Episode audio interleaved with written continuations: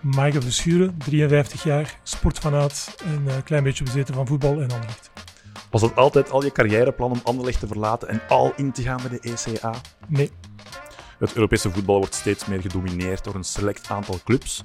Moet je als Belgische club, los van het sportieve, nog een plaatsje willen claimen in de Champions League? Ja. In elk interview dat ik over jou terugvond, gaat het vroeg of laat over jouw vader Michel Verschuren. Heb je dat wel eens als storend ervaren? Nee. Heb je vriendschappen overgehouden aan je tijd bij Anderlecht? Ja. Wie is je favoriete speler aller tijden?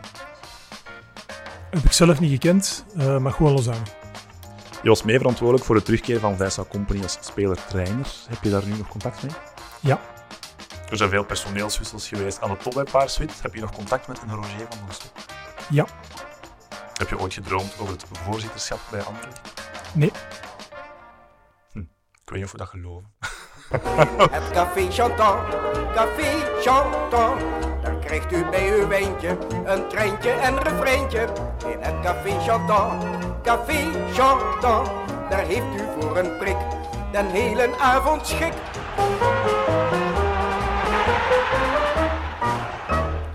Dinsdag 26 september een nieuwe Café Constant met weer schoon volk. Een Kenny, een Tim en een Michael of Michael Verschuren. Enchanté, iedereen. Dag Dries.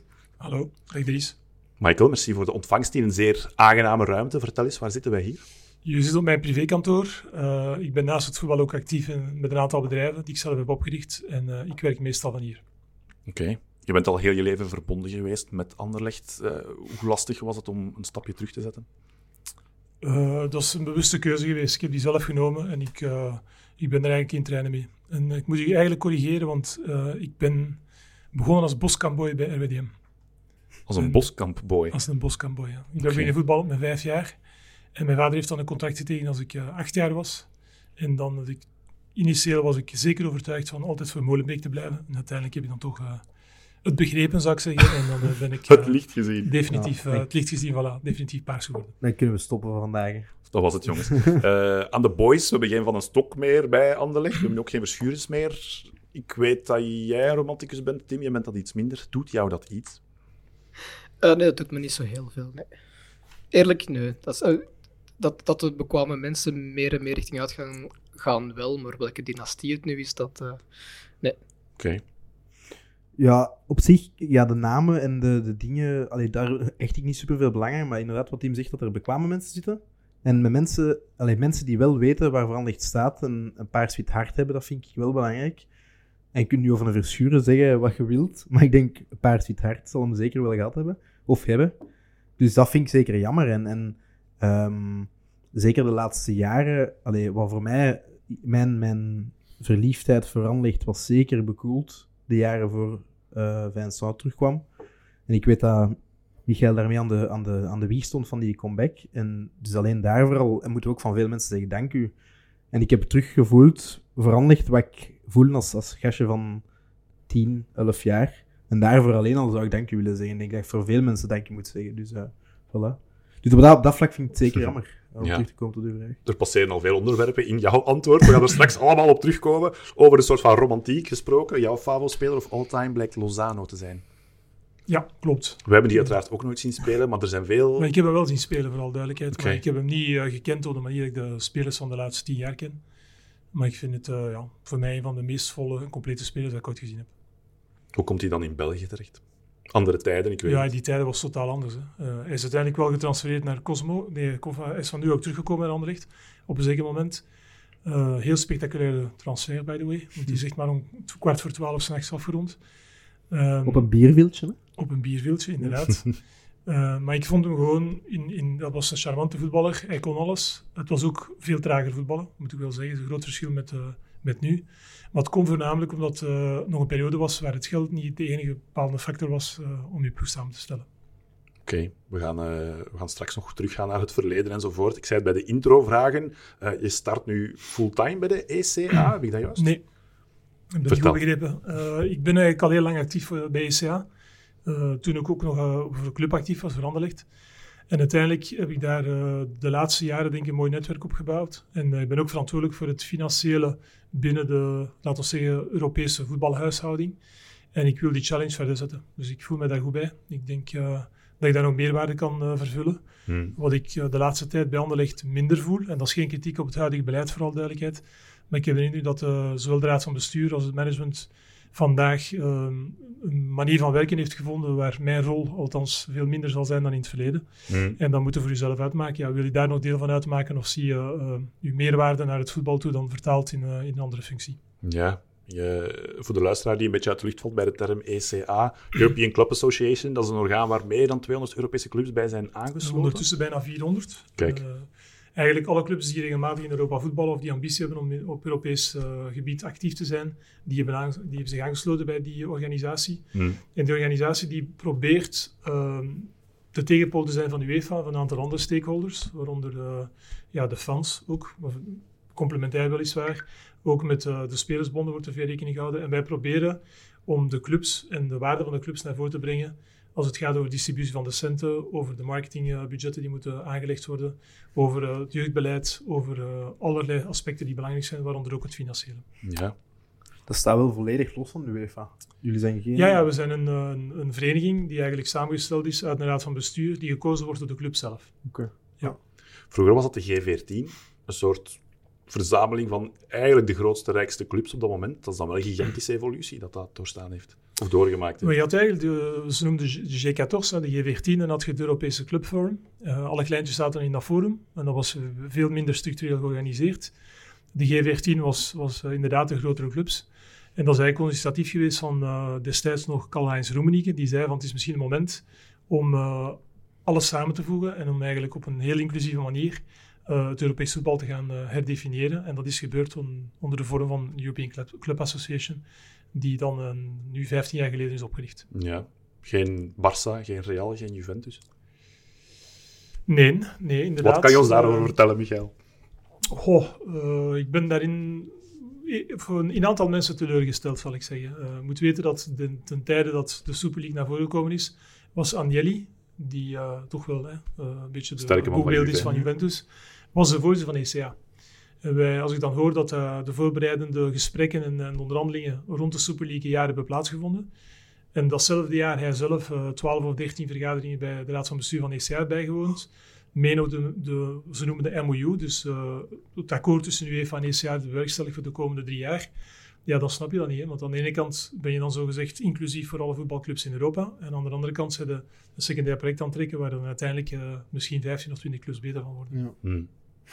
Hoe groot was jouw betrokkenheid bij de Conference League, het idee daarachter? Eh, David Stegen zei ons een paar weken terug heel groot. Ik, ik, ik zat eh, in de distributiewerkgroep en ik zit in eh, wat ze noemen de UEFA Club Competitions Committee. En daar eh, ja, wordt een beetje nagedacht over hoe wordt de competitie georganiseerd. Zijn er eventuele draagvlakken voor nieuwe competities? En ik heb daar samen met veel andere mensen, denk ik, mijn bijdrage geleverd. Maar het is niet zo dat Maaike Verschuur eh, een grote rol heeft gespeeld dan vele andere mensen die een bijdrage hebben geleverd. Het is niet jouw kindje specifiek, die Conference Nee, dat kan ik absoluut niet zeggen. Ik denk dat het kindje een samensmelting is van eh, gesprekken tussen de clubs. En initiatiefnemer bleef en is nog altijd UEFA vandaag. Hmm. Ik vind dat misschien de leukste competitie. Ik vind dat vandaag. fantastisch. Ja. Als je nu, allee, ik merk dat aan mijn eigen. Nu voor die groepsfase van de Champions League, daar kan ik mij echt heel moeilijk aan zetten, omdat er altijd zullen teams zijn. En omdat dan ligt natuurlijk al een paar geen rol van betekenis meer speelt daar. Maar de Conference League, die matchen, ook de, de, in de week was het een Ajax Marseille. Ah, Dat zijn twee traditieclubs tegen elkaar. Ja, dat, dat miste gewoon. Ik, de typische traditieclubs, ja, dat, dat, dat miste gewoon veel, veel harder in de Champions League. Ik vind de, de Manchester City's en zo van deze wereld, oké, dat is de nieuwe macht, maar dat spreekt mij toch veel minder aan dan. dan of of eh, een, een Genk Fiorentina. Daarvan zou ik dromen om die nog een keer op aanleg te hebben. Dat vind ik super vet. Dus eh, ja, ik vind, dat wel, ik vind dat wel een meerwaarde. En ook als Belgische club. ehm, vorig jaar tegen AZ, wij konden nog eens dromen van een halve finale in een Europees toernooi. Ik, kan nu, ik denk niet dat ik nog het ga nog gaan meemaken dat dan echt in de UEFA, alleen Europa League of in Champions League een halve finale speelt. Europa League kan misschien nog, Tja. maar dan moet er al heel veel meevallen en gebeuren. Die line-up van de Europa League tegenwoordig is ook Ja, tuurlijk. Ja, absurd dat is- goede ja. eh, ploegen bij elkaar. dat komt bij de Conference League komt dat er ook aan. Hè. Eh, uiteindelijk, hoe sterker de competities zijn, hoe, hoe meer ja, de, de nummer 6, de nummer 7 van, eh, van Engeland bijvoorbeeld, die gaan in de Conference League aantreden. En dan krijg je ook wel een fenomeen dat volgens mij die clubs het vers gaan raken in die competitie. Ja. Ja, het was zot om te zien hoe, een, een ploeg als West Ham, die aan het sukkelen was aan volonté in de Premier League, eigenlijk gewoon Ja, de beste ploeg was in de conference. als Ja. je dan ziet nu dat Aston Villa, die starten, MRI's, dat is ook, die zitten ook in de Conference League dit Mm. jaar. Die starten ook met ambitie en eh, die heeft daar echt een punt van gemaakt. Ik wil Conference League winnen. En die eerste speeldag verliezen, of spelen ze In Polen. in Polen tegen, tegen Legia? Krakau, Ja. Tegen Legia Warschau. Allee, bon, er is nog veel tussen, tussen het zeggen en het doen. Hm. En West Ham, ja, bon. Ja. Ik kan me voorstellen dat die grote clubs nu denken, die kleinere landen met hun teams die in de Conference League zitten en daar veel punten pakken, wij zijn daar als groot land niet zo blij mee, want een overwinning in de Champions League levert evenveel punten op als een overwinning in de kleine Europese competitie. Wat liggen die daar wakker van? Ja, de, de, de grote landen niet, denk ik. Het zijn meer de, de subtoplanden die nu wel zien dat België wel heel veel punten aan het pakken is in de Conference League. Maar ik denk niet dat, dat, dat Engeland wakker ligt voor het feit dat België punten Nee, pakt in de niet. Ik Conference denk ook dat er eh, waarschijnlijk de shift zal gebeuren naar eh, de nieuwe format toe, want er komt een nieuw form- format vanaf 2024. Ehm dat ben ik nog niet zo zeker dat die coëfficiënt gaat blijven. Eh, dat is momenteel in onderhandeling, ben ik niet bij betrokken. Maar ehm, je hebt wel het punt dat de bepaalde kleinere landen, zo zeggen, de kleinere voetballanden, toch wel heel veel punten scoren ten opzichte van anderen. Wat wij niet erg vinden. Maar Ja, Nee, natuurlijk niet. je moet die ploegen daar ook in krijgen, denk ik. Hè? En dan, dan, ja, ik denk, ik moet wel zeggen, de Belgische ploegen de laatste jaren Europees doen we het niet super slecht in de competitie dat we dan deelnemen. Hè? Allee, bon, dan is het is toch mooi. eh, Brugge dan tweede ronde Champions League gehaald. eh allee, al echt vorig jaar kwartfinale. ehm, het zijn toch toffe dingen die... allee, Absoluut. maar ik denk dat Belgisch voetbal in het algemeen aan, aan de laatste tien jaar echt wel eh, naar, qua- aan kwaliteit heeft ingewonnen. Heeft ook te maken met het feit dat er veel geïnvesteerd wordt in, eh, in de Pro League. Er zijn toch veel clubs in, eh, in handen van ofwel buitenlandse clubs ofwel buitenlandse investeerders. Brengen meer geld op de tafel, je krijgt een kwalitatiever elftal, competitie wordt spannender en dan krijg je een nivellering in plaats van naar beneden naar boven. mm, klopt, ja. jij vindt dat Belgische clubs nog mogen dromen van een rol spelen in de Champions League? Blijft sport niet waar. Dus ik denk, Ja, ja, vorige week 5-0 verloren op Barcelona. ja, ik weet het. Ja. Ja. Is dat nog leuk? Vind jij dat leuk? Als het Antwerpen is, vind ik het niet per se onleuk. Maar eh, ja, nee. dit- kijk, Ja, als kijk. neutra- neutraal toeschouwer niet naar zo'n match en ik denk, het gaat spannend worden. Hè. Dat, Nee, het is- maar ik vond wel, en dat is iets dat wel geopperd wordt, ehm, ik vond het wel wat aandoenlijk. Mag je dat zeggen, op die manier? En niet, want wij hebben op Melnicht ook Vaak in die va- positie. vaak pakken slaag gekregen, maar dan, dan denk ik van, ja, zo weg... Allee, ik vond, het leek echt dat Barcelona... een, andere sport, een andere sport aan het spelen was Ja, en dat vond ik wel echt confronterend. Oké, we hebben ook tegen PSG hier thuis een bolwassing gehad. Maar die mannen begonnen wel tegen... Allee, tegen dat was in een pool dat er toen gespeeld moest worden voor punten te halen. Ja, dat was door... Ibrahimovic had die avond er in, dus... Ja, voilà, maar allee, ik vind het, ik vind, ja, natuurlijk, je kunt, je kunt die lijn niet, je kunt dat niet vergelijken. Dat is altijd gemakkelijker als je niet deelneemt en het is een nieuwe club om te zeggen van, wij hadden het beter of wij, eh, maar ik vind, ja, ja, het Ik vraag mij vooral af, wat mag de ambitie nog zijn van een Belgische club? Los van dat je daar veel geld kan pakken. maar kijk naar Brugge. Nou, ik kan het zeggen, vorig jaar Bruggen heeft het wel goed gedaan. Hè. Ja. Uiteindelijk die overwinterd. ehm, Ah, ja, Dat allee, is precies meer regel dan uitzondering. Ja, maar het heeft ook Maar met de spelers in kwestie te maken. Ik denk, eh, de spelers vandaag, als je praat met talentvolle jonge spelers, 18, 19 jaar, dan eh, worden die ook gefokt door, de, door, door hun eigen makelaars om te zeggen, ja, hoe lang blijven nog? Eén jaar of twee jaar? En zodra die in die vitrine één seizoen spelen op niveau, zijn die weg. Hm. Dus voor, voor België, voor Belgische clubs, is het altijd een challenge om eh, een ploeg opnieuw samen te stellen. En zelfs niet alleen in die vitrine, kijk naar Anderlecht, Ja, een goed Europees jaar en, en Verbrugge is ook, allee, je sterkhouders zijn weg, hè. Ja. Het is eigenlijk een wonder dat de Bast nog gebleven is, hè. Eh, ja, dat Ja. ligt dan misschien wat meer aan zijn mankementen nog dan aan, aan pure talent, denk ik. Maar Wat kan je doen tegen zo'n grote clubs? Die, je zei daarnet bij, die, bij de, de plannen voor de, de Super League. Wat kan je daar nog aan doen op den duur als orgaan, als verzameling van andere clubs, om dat tegen te houden? Want vroeg of laat zal het er maar van komen, denk ik dan. Ja, maar de vraag is, ofwel leg je dat bij neer. Hè. Uiteindelijk, eh, het is, we zeggen altijd, het is een impact van het geld, maar het is ook, eh, denk ik, de waarde van de markt. Eh, het geld komt uiteindelijk van de broadcasters en van de sponsors. Als je in een markt actief bent waar, eh, waar, waar 10 miljoen mensen wonen versus waar 18 miljoen mensen wonen, dan, dan weet je dat je met minder middelen moet vooruitkomen. En dan is er maar één mogelijkheid, denk ik, om, om dat vroeg of laat te tackelen. Dat is misschien een consolidatie van een aantal voetballanden en die samen te brengen. Nu, we weten allemaal dat dat heel moeilijk is. Hè? Hmm. Uh, dan met de binnenliga, denk ik. Uh, Hmm. Mijn vader was nog initiatiefnemer destijds met Van Praag. We zijn twintig jaar verder, het is teruggesneuveld. Vind je dat jammer? Zag jij daar vanuit jouw positie toekomstmuziek? Uh, ik weet het niet. het... Dat is een cop-out nee, ik, vind het, ik, vind het, ik ben, niet, ik, ik ben in, in C niet, niet tegen het principe dat je de waarde van de competitie en de kwaliteit van de competitie gaat opdrijven. Maar de laatste jaren zie je toch wel dat kleinere clubs in België, zoals een Union, die een kleine club was, met alle respect gezegd, Mhm. vandaag eh, in de subtop meedraaien en eh, bijna gevestigde waarde geworden zijn. Dus het is een heel moeilijk debat, hè, want je moet uiteindelijk een aantal clubs uitsluiten of afkopen, anders krijg je dat toch niet rond. In Nederland eh, was daar weinig draagvlak op een zeker moment. Ehm, ik denk dat het een, een heel moeilijk gegeven is en het zal de komende jaren moeten blijken dat bepaalde competitievormen zoals de Champions League dermate elitair worden. En dan zal de actie moeten komen van de kleine landen te zeggen: oké, we gaan er wel iets aan doen of niets aan doen. En dan is het maar de vraag onder welke format. Want je kan nog wel lokaal blijven voetballen en misschien een nacompetitie organiseren. bekercompetitie of zo, ja, dat Om, ik eh, wel... er zijn wel mogelijkheden. Ja. Zo'n bekercompetitie is nog wel cool. Hm. Ik denk Ja, als je elk weekend als sup- allee, stel je voor dat je supporter bent van, en je moet naar Groningen of naar Heerenveen of, of allee, dat zijn al busreizen. Maar dan. dat, dat wordt vaak gezegd, maar in, terwijl uiteindelijk in Frankrijk, Spanje, Duitsland, ook Tuurlijk, iedereen. maar we zijn niet gewoon. hè. Hm. Dat is een ding van, allee, ik weet nu als er, allee, als je nu op Eup moet gaan shotten op vrijdagavond of op zondagavond, allee, je zit er vier uur onderweg, hè. Allee, bon, dat is een beetje... Dat zijn in Frankrijk zijn ze langer dan vier Ja, ronden. dat weet ik. Ja, ja. Stegen vertelde ons een paar weken terug ook van ja, die Super League bestaat eigenlijk al. Die, die luistert naar de naam de Premier League. Nee, nee, maar het is geen Europese competitie, voor alle duidelijkheid. Dus dat vind ik niet helemaal terecht. Maar je snapt zijn punt wel. Er zitten veel rijke clubs die... Ja, Ik vind, Eigenlijk al alles gewoon. ik vind het wel interessant. Hoe zien, hoe zien jullie dat dan in, in, met de ECA dan, ehm, dat de opkomst van Saudi-Arabisch voetbal? Mhm. Hoe, hoe, staan de, hoe is er, zit er bij de Europese clubs eigenlijk een angst in dat het... Want ja, je ziet nu al die sterren vertrekken. Allee, dat is toch... Allee, en ook jongere spelers, want ja, je dacht van oké, dat, dat een paar, paar mannen daar gaan uitbollen. Oké, het is van alle tijden. Je Maar zo zeggen, angst voor machtsverhoudingen. ja, dat er verschuiving, ja, ook tv-gelden, die, die, die, die worden overal verkocht, die, die rechten voor die Saudi-Liga. Kijk, er was zo'n sprake dat je dat op 11 kunt zien. Ik weet, ik heb het nog niet gezien. Mhm. Maar ja, bon, als zo'n Milink- Milinkovic-Savic op zijn top, Mitrovic, dat zijn allemaal gasten die daar in hun beste jaren komen. Dat die naar daar trekken, vind ik wel straf.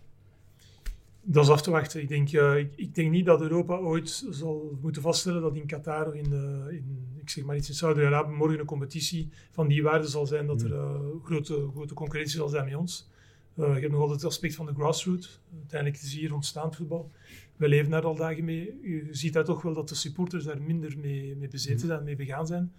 Naar international broadcasting, dat weet ik niet. Hmm. Ik denk dat ze van afhangen hoe dat de spelers de komende jaren die competitie gaan ervaren, of dat ze daar effectief gelukkig zullen zijn of niet. Oké. Het, ehm, is er nog iets over de ECA dat je ons kan meegeven dat nog niet bekend is bij het grote publiek, Michael? Heb je een scoop voor ons? Nee, ik moet morgen naar, eh, naar Polen voor eh, de raad van bestuur. Dus ik, eh, Oké, we zijn een dag te vroeg. nee, maar ik ben... en, ik- en die raad van bestuur dat interesseert ons zo niet, want dat is, ja, Dat dat is niet zo wel, interessant. Nee, ik, probeer dat wel te respecteren. Ja. we hebben een aantal topics die we gaan bespreken, maar eh, dat is niet aan mij om dat hier in de Ja. camera te vertellen. Fair enough. Misschien moeten we het maar hebben over Anderlecht, inderdaad, Kenny. Eh, met de komst van Koeken in 2018 krijg jij de rol van, even spieken, sportief directeur, denk ik, was de officiële titel. Eh, hoe, hoe ben jij terechtgekomen op die stoel? Er was een eh crisismoment op de club. ehm, nadat Mark eigenaar was geworden. Eh, de club deed het niet goed. We zijn begonnen met een 12 op 12. Dat was een heel goed start. Onder Van Hazenbroek, ja. Ja. Ja. Ja. Eh, dat ging toen heel goed. En dan is eh, ja, een beetje de implosie begonnen. Dus Europees uitgeschakeld, onverwacht. En dan in de competitie ging het voor meter. En dan is eh, op een zeker moment... eh, Luc de Vroe heeft dan een ongeluk gehad, denk ik ook. Is dan op de scouting beland. En de club zat een beetje in een vacuüm wat betreft het sportieve beleid. Ik vind het woord sportdirecteur misschien verkeerd, omdat ik vond mij meer verantwoordelijk voor het sportdepartement dan wel een sportdirecteur in klassieke vorm. Ik was geen Frank Anees. We hebben Frank Anees gaan halen omdat die technische kennis bij mij niet aanwezig was. Maar ik heb toen eh, eh, met Mark een aantal vergaderingen eh, georganiseerd waar ik dacht te mogen, sorry, om, om te overtuigen van ik denk dat we de club kunnen op draais krijgen op een bepaalde manier. Ik heb dat project toen denk ik helemaal toegelicht. En Mark zei van kijk, als je daar wil aan deelnemen, dan is de deur open. Go for it.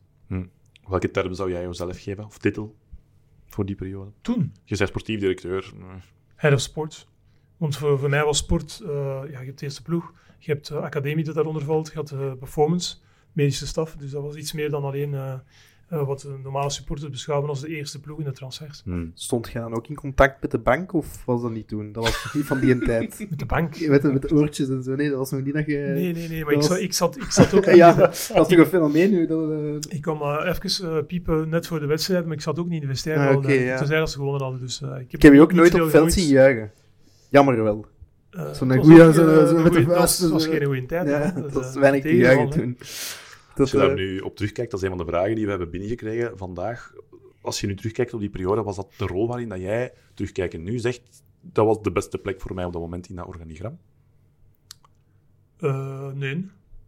Maar bon, eh, dat doet er niet toe. Hè. Op een zeker moment eh, wordt je een vraag gesteld. Je geeft een visie over hoe dat je denkt dat de club uit, eh, uit het moeras kan komen. En, eh, en, en dat plan heb ik eh, heel goed toegelicht. Ik stond er 100% achter. Of dat op dat moment eh, de rol van CEO of weet ik veel wat een betere rol was geweest, doet er mij niet toe. Ik Hmm. Ik ben 25 jaar CEO geweest in, in mijn bedrijf. En eh, ik had wel eens goesting om eh, afgerekend te worden op wekelijkse prestaties en de sportieve stress te ervaren. Bon, ik heb, ik heb het wel eh, als een leerschool doorstaan, denk ik. Ja, zeker en vast. Eh, je zei bij de introvragen dat je niet gedroomd hebt over een rol als voorzitter van Anderlecht. Nooit. Nooit eens van wakker geworden s'nachts. Nee, nee ik, heb, eh, ik heb ook jaren in de raad van bestuur gezeten van, eh, van, van NV Anderlecht, op het moment dat de VZ2 is omgevormd. Ik heb ook nog die ambitie gehad. Dat was, eh, op dat moment zat niet, dat kon niet ter sprake komen. De Roger was de undisputed number one en dat was de voorzitter van, eh, van de club. Nadien is Mark gekomen. Mark was dan voorzitter. Voor mij undisputed as well. Bedoel, eh, Mark, dat was de, de- dus, allee, ik zou zeggen de logica zelf. Hij had ook die ambitie, heeft er ook veel tijd in gestoken. En, eh en voilà. Ik weet Kenny dat jij wel f- pro het idee Michael als voorzitter bent of was. eh, voorzitter, ja, is CEO wel zo, denk ik, van de club. In die, in die vorm. In de, Ja, maar ik denk, allee, om, om even ook eh, die vraag kort te tackelen. eh, ik, ik vind vandaag, ehm, de club heeft een goede CEO. En dan meen ik uit de grond van mijn hart. Ik, ik ken, het, ik ken ah, het vrij ah, goed. ja, oké, maar ik Ja, heb maar weer te zeggen, niet, dus, eh, weer niet nu, hè. Ja, voilà. Dus ik vind allee. dat eh, momenteel het management degelijk, degelijk functioneert en dat er juiste mensen aan zet zijn. Dus op dat punt... Dus, want het is niet eigenlijk, want ik zal niet zeggen, ik zal niet, het is niet nu van dat ik hier een liefdesverklaring wil doen met iedereen buiten en jij begint morgen, dat is niet mijn insteek. Daar heb ik, allee, heb ik ook te weinig verstand van, van hoe dat nu loopt.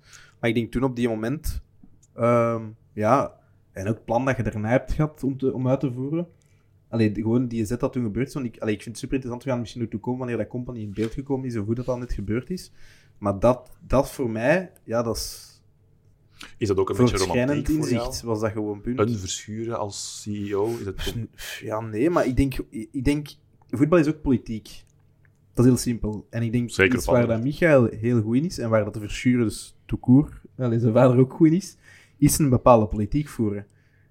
En ik denk dat uw vader misschien nog iets directer en harder was dan u ik daarin. denk het wel, hè. Dat jij iets meer eh, de, de politiek dan beheerst en uw vader nog directer was. eh, recht op doel af. Maar zonder daarmee iets af te doen. Maar, en dat is super belangrijk. Dat je, en dan nog de feeling hebben met wat Anderlecht is.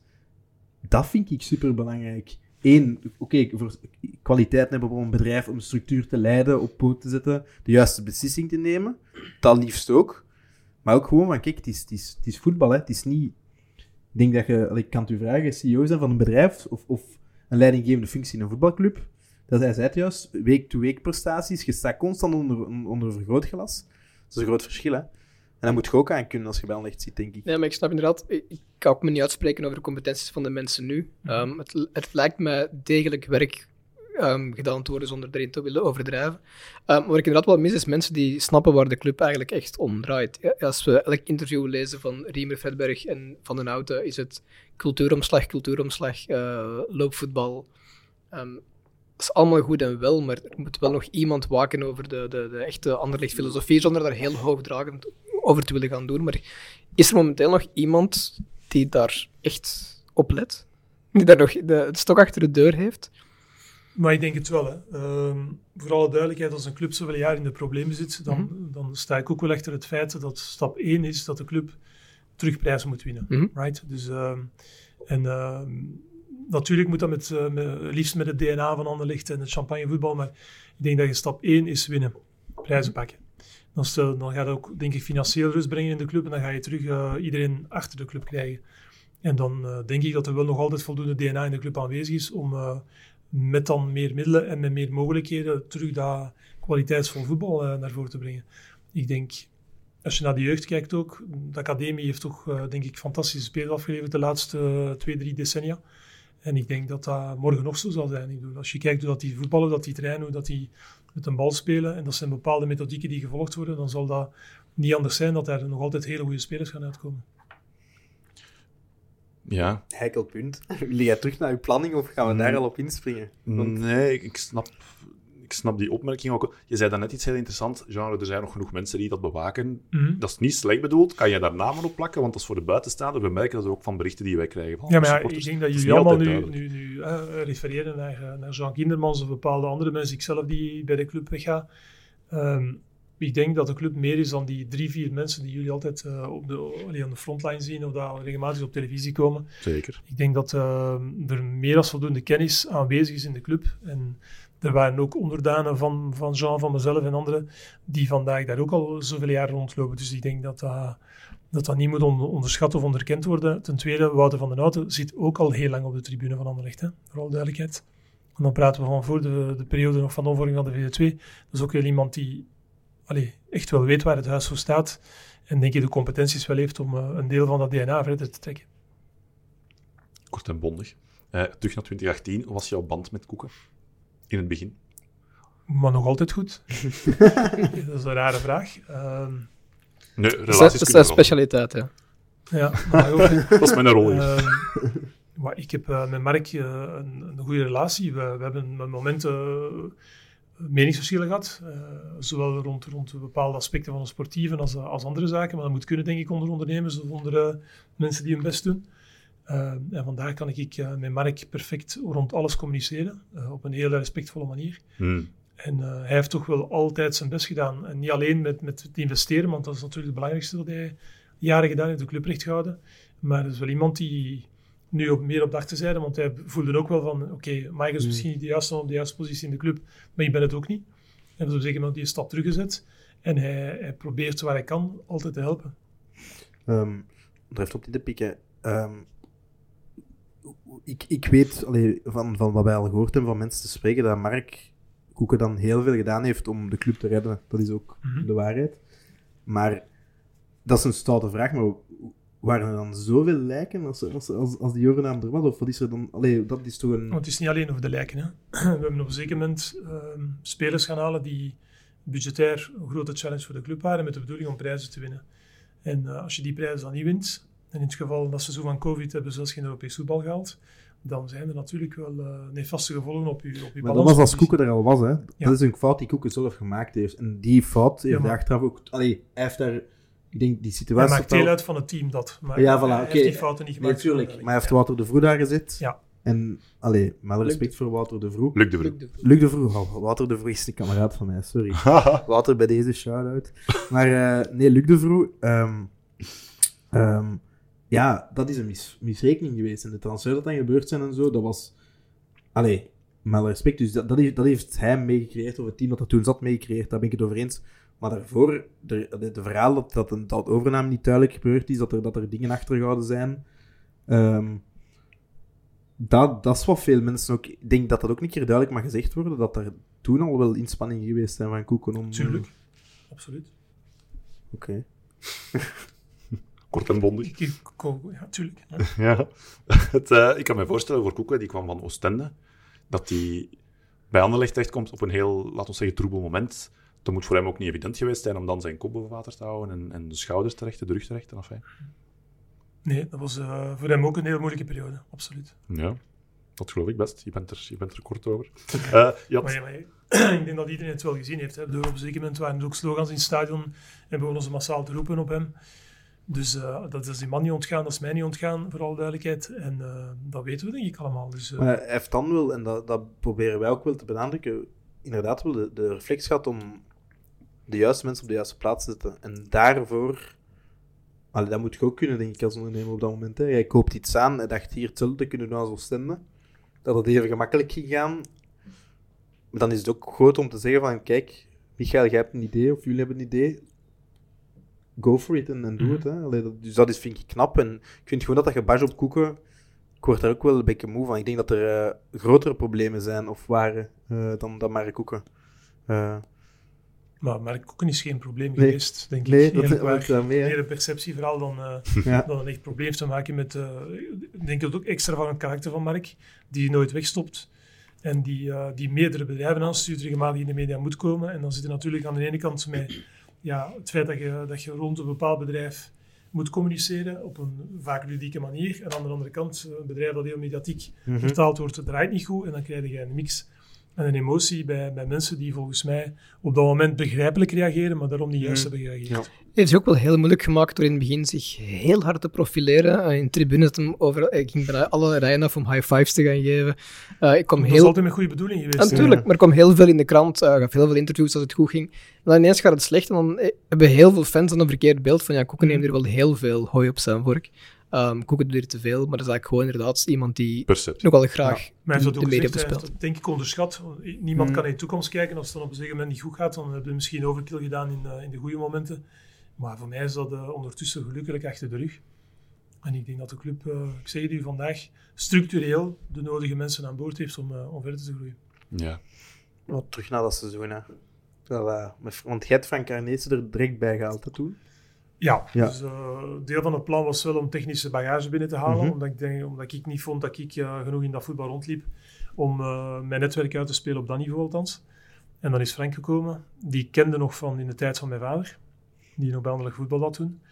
En waar ik contacten mee gehouden had in de, de periode dat ik nog regelmatig contact had met PSV. En Frank is aan boord gekomen en dat was een eerste stap, denk ik. Moeilijke stap ook, want ja, Van Aasbroek valt uit. Eh, valt uit, ja. Ja. Moet vertrekken. Een leuke boodschap trouwens. en, ehm, en dan ja, moesten we een trainer gaan zoeken, waar we ook niet de lange termijn commitment wilden opgeven. Want het was een slecht moment, er was weinig talent beschikbaar. En dat heeft dan Frank toch eh, opgelost met die Rutten. Geen succes. eh, achteraf bekeken, moeilijke ploeg ook om... eh, om Ja, verder te Bolassi werken. was ook toen. Hè. Bolassi hebben we toen ook die winter. Bolassi was eh, een van mijn spectaculairste transfers. Ja. Ik heb ook wel wat gedaan. Eh, Die volgt Anderlecht nog steeds trouwens. Op Instagram en van die Ja, ja. reageert hij nog heel Ja. op foto's.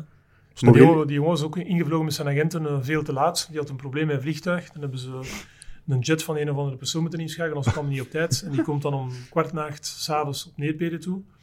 Ehm, we hebben dan testen gedaan, maar we konden niet alle testen doen, maar dat was redelijk oké. Dan moet je die papierenmolen beginnen. En als alles klaar is, moet je die contracten opladen in het FIFA TMS-systeem. Hmm. Het beruchte systeem. De validering van die contracten moet van de twee kanten gebeuren. Want aan de ene kant wordt die speler verhuurd aan Anderlecht, dus de verhurende club moet ook zijn afval geven. En om ik zeg maar eh, 25 voor 12 middernacht, closing van de transfermarket, Hmm. maakt die club fouten. Dus aan de andere kant eh krijgen ze dat niet gevalideerd. En eh, ik moet een pluim geven aan Johan Planken, by the way, eh, Ah, ja. die toen mijn assistent was. Als Johan daar niet met zijn expertise, want die had daar veel kennis van, die mensen niet echt begeleiden met de videocall, nu moet je dat doen, nu dat knokken, nu dat knokken, dat knokken. En op drie minuten voor twaalf was hem eh, gekeerd. Ah, Want alles was voorbij. ja, spannend. Die heeft nog, Dat was een van de dragende spelers dat seizoen bij Anderlecht. Dat is ook de winter. Die heeft het redelijk goed gedaan voor, eh, voor een, eh, ja, een wintertransfer te. Maar die is Zeker. ook in de spits gaan spelen. Ja. Want Ja. uiteindelijk was dat een flankspeler voor zijn zware blessures. Ja. En, eh, en dat was ook... Murillo is toen ook gekomen, dacht ik. Hè? Of was die... een Nee, Of is dan een aantal maanden later Later, gekomen. ja. Ehm, sorry. ik denk dat ik Peter Tsoel nog gaan halen ben in die periode. Het seizoen erop, denk ik. was het tijdens de winterstop? Durf ik niet uit mijn hoofd niet zeggen. Eh, ik denk het wel, ja. Ja, ja. Zwat, maakt niet uit. Het, eh, Dat is mooi dat je hem zelf noemt. ja. ja waarom niet?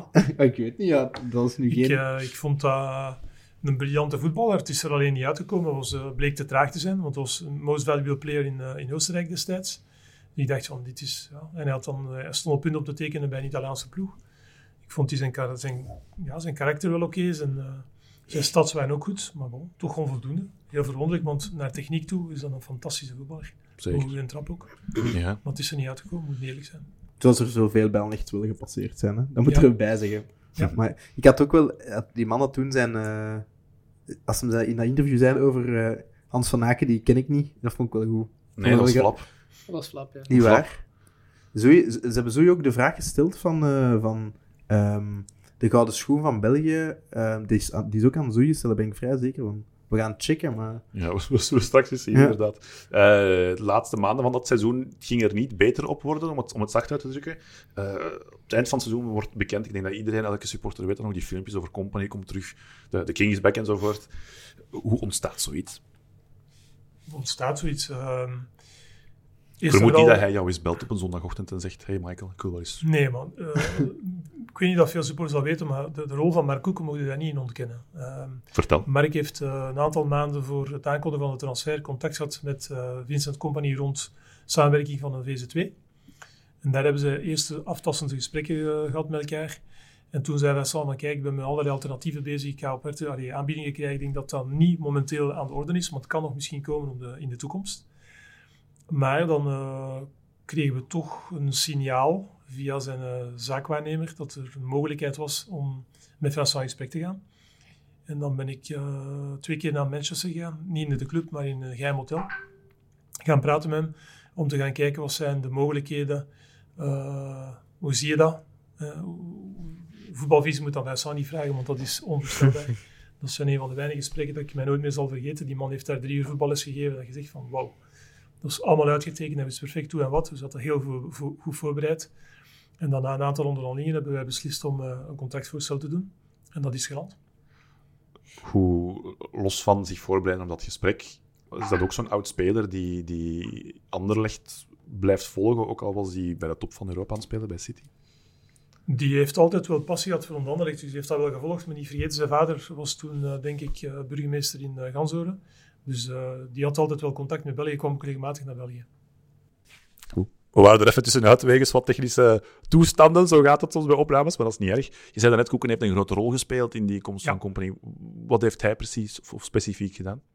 Wel, dat was het eerste contact. Hè. Dus uiteindelijk, eh, via zijn netwerk, was hij in contact gekomen met Vincent. En heeft hij openlijk de vraag gesteld van, kijk, eh, is het utopie om te dromen dat jij misschien Hm. je carrière in uh, Anderlecht zou eindigen, of beëindigen? Ja. Ik denk dat Mark toen ook wel gezegd heeft dat hij bereid was om een substantiële investering ervoor te doen. En dat is de start geweest van eh, een aantal weken wachten. En plots kwam Vincent aan de oppervlakte. En eh, dan hebben we een aantal vergaderingen gehad. En uh, van het een is het ander gekomen. Hm. Van waar de naam Jean-Pierre van Overschelde? Wie zijn idee was Wel, dat? Mark heeft heel veel ervaring en die zei, we gaan uh, een NIC, allee, we gaan uh, een project Q, uh, we gaan iets definiëren. Ja, een dossiernaam, want anders lijkt dat binnen de kortste keer in de media. Klopt. En vooral ook voor de club, binnen de club zelf. Hè. Dus iedereen wist dat we met een bepaalde speler bezig was, niemand kende hem. En dat was natuurlijk makkelijk voor ons. En ehm, hoe is... Ja, sorry, maar ja... En dat Als- gaat niet alleen over de mensen in de club die we niet vertrouwen. Hè, maar je, ma- zo je pakt morgen een vliegtuig. Je hebt. En bellen. Vincent vliegt ook mee. Eh allee, er zijn een tal van zaken, dus we hebben alles gescheiden, ook de kosten enzovoort, om ervoor te zorgen dat... We hebben zelfs eh, allee, in de boek, en natuurlijk, het ticket zelf is altijd op de naam van de persoon, maar we hebben zelf bij de ticket, eh, eh, als we het uitschrijven en zo, altijd eh, de nicknaam Mm. gebruikt, om daar niet, voor, allee, niet- door de man te vallen. moet ik zeggen. Ehm, hoe- hoe- ja, ik, het moet, allee, zo fascinerend als je weet, ah ja, bon, ik vind dat super, maar ehm, hoe kom je dan bij speler-trainer? Eh, het, was, het was geen speler-trainer, voor alle duidelijkheid. Ehm daar is heel veel debat en heel veel discussie rond geweest. En eh, dat vult natuurlijk de media, hè, omdat je met iets eh, Mhm. innoverends en atypisch komt. En Vincent, zijn, eh, zijn idee was, ik, ik weet exact hoe, eh, hoe, één, waarom ik naar Anderlecht wil komen en dat ik denk dat die jeugd kan aansluiten en dat we op een bepaalde manier kunnen voetballen om heel eh, offensief, enerzijds van vanuit de verdediging vertrekkende, eh performant te zijn, hè, om, om successen te boeken. En dat vertaalde zich dat hij wel inspraak hebben op de manier dat we zouden spelen. En eh, dat heeft zich vertaald in, eh, denk ik, Simon Davis, die toen gekomen is. Als eh, trainer, die was actief bij de U19 bij City.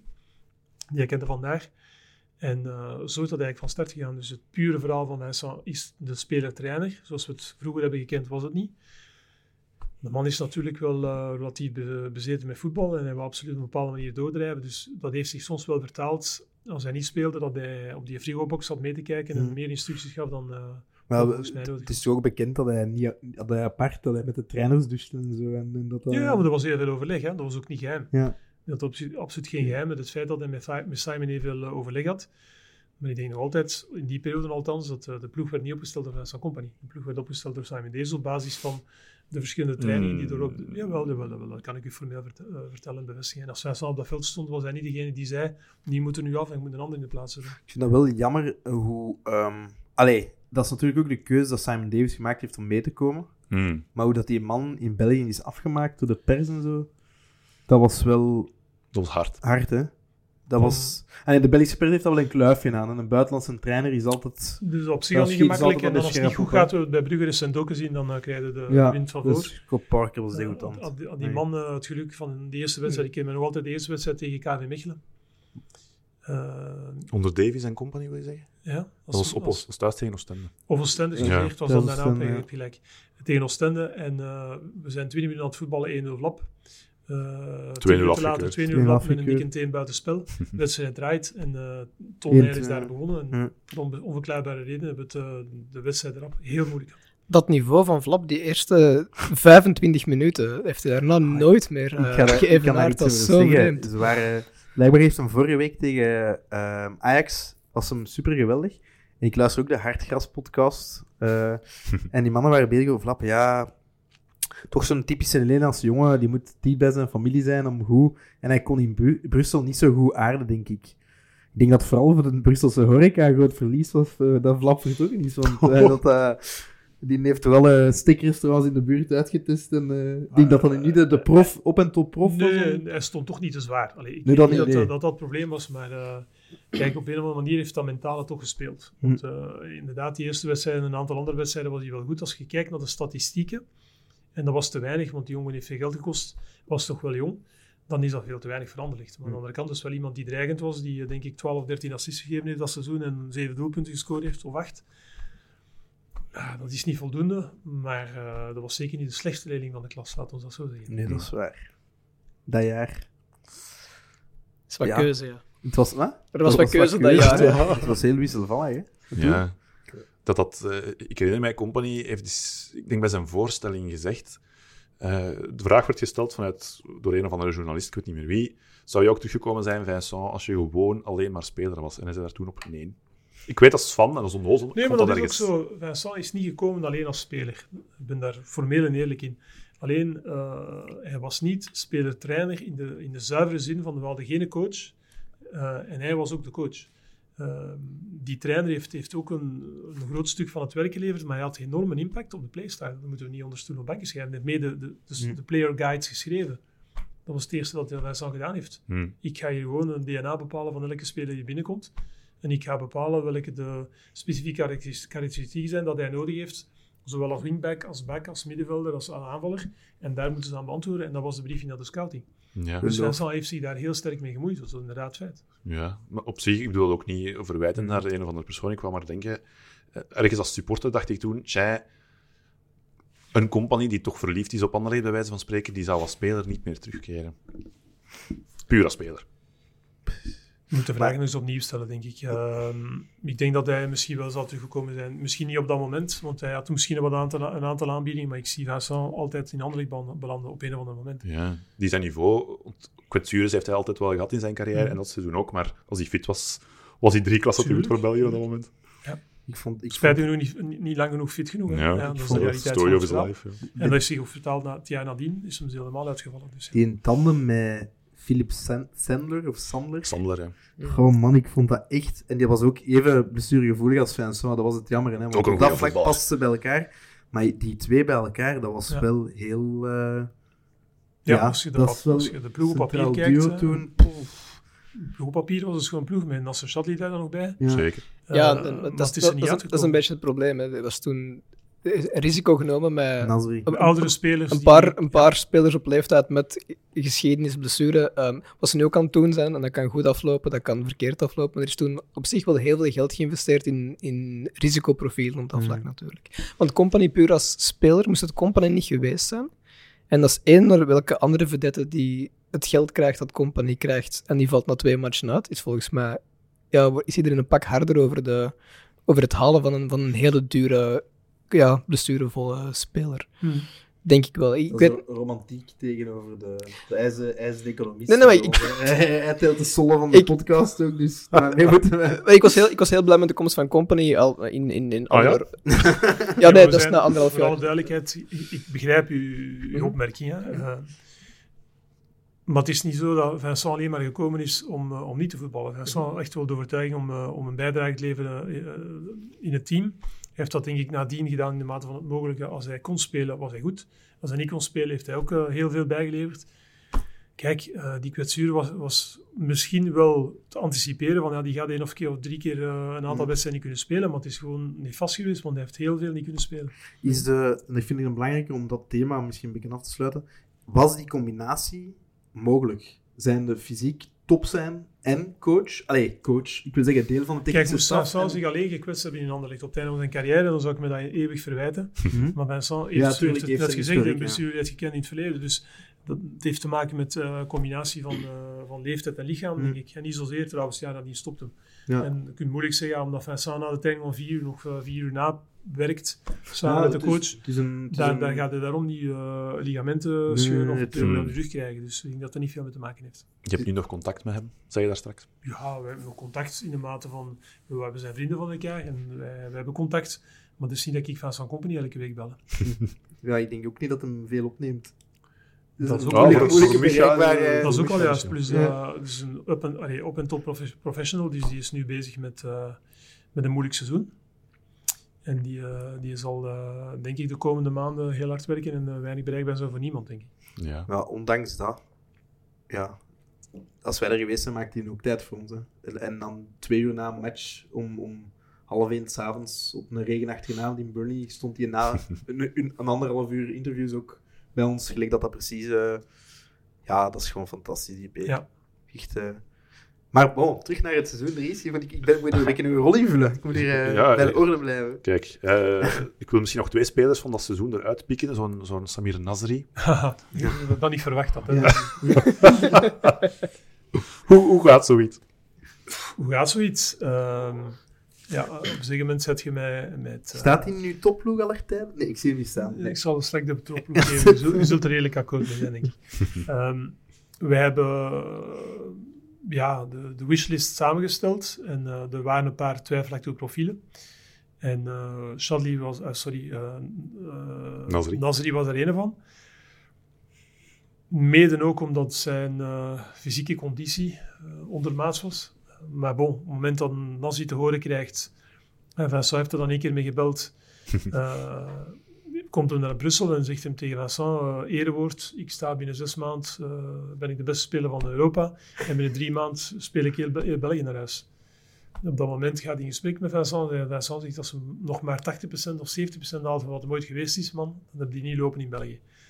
En dan pakte dat risico. Dat financieel wel, wel redelijk slim gedaan. In die zin, we hebben die jongen maar eh, één con- contract van één jaar gegeven. Dus, en eh, ook nog met bepaalde parameters. Dus, en je bent ook verzekerd in België. Dus allee, je kunt niet zeggen dat dat extreem nefast was financieel. Maar dat is heel nefast geweest, com- eh, commercieel en al sportief. Hm. Dat heeft niet Is dat een aangename kerel in de omgang? Die heeft ook alles meegemaakt. En... Dat is een supergast. Ja? Dat is geen vedette die dan naar, oh god, België komt en denkt... pff, Nee, het enige nadeel dat hem had was het gesprek van Michel Vlap, die regelmatig eh een stiksje eet. Hij had er twee.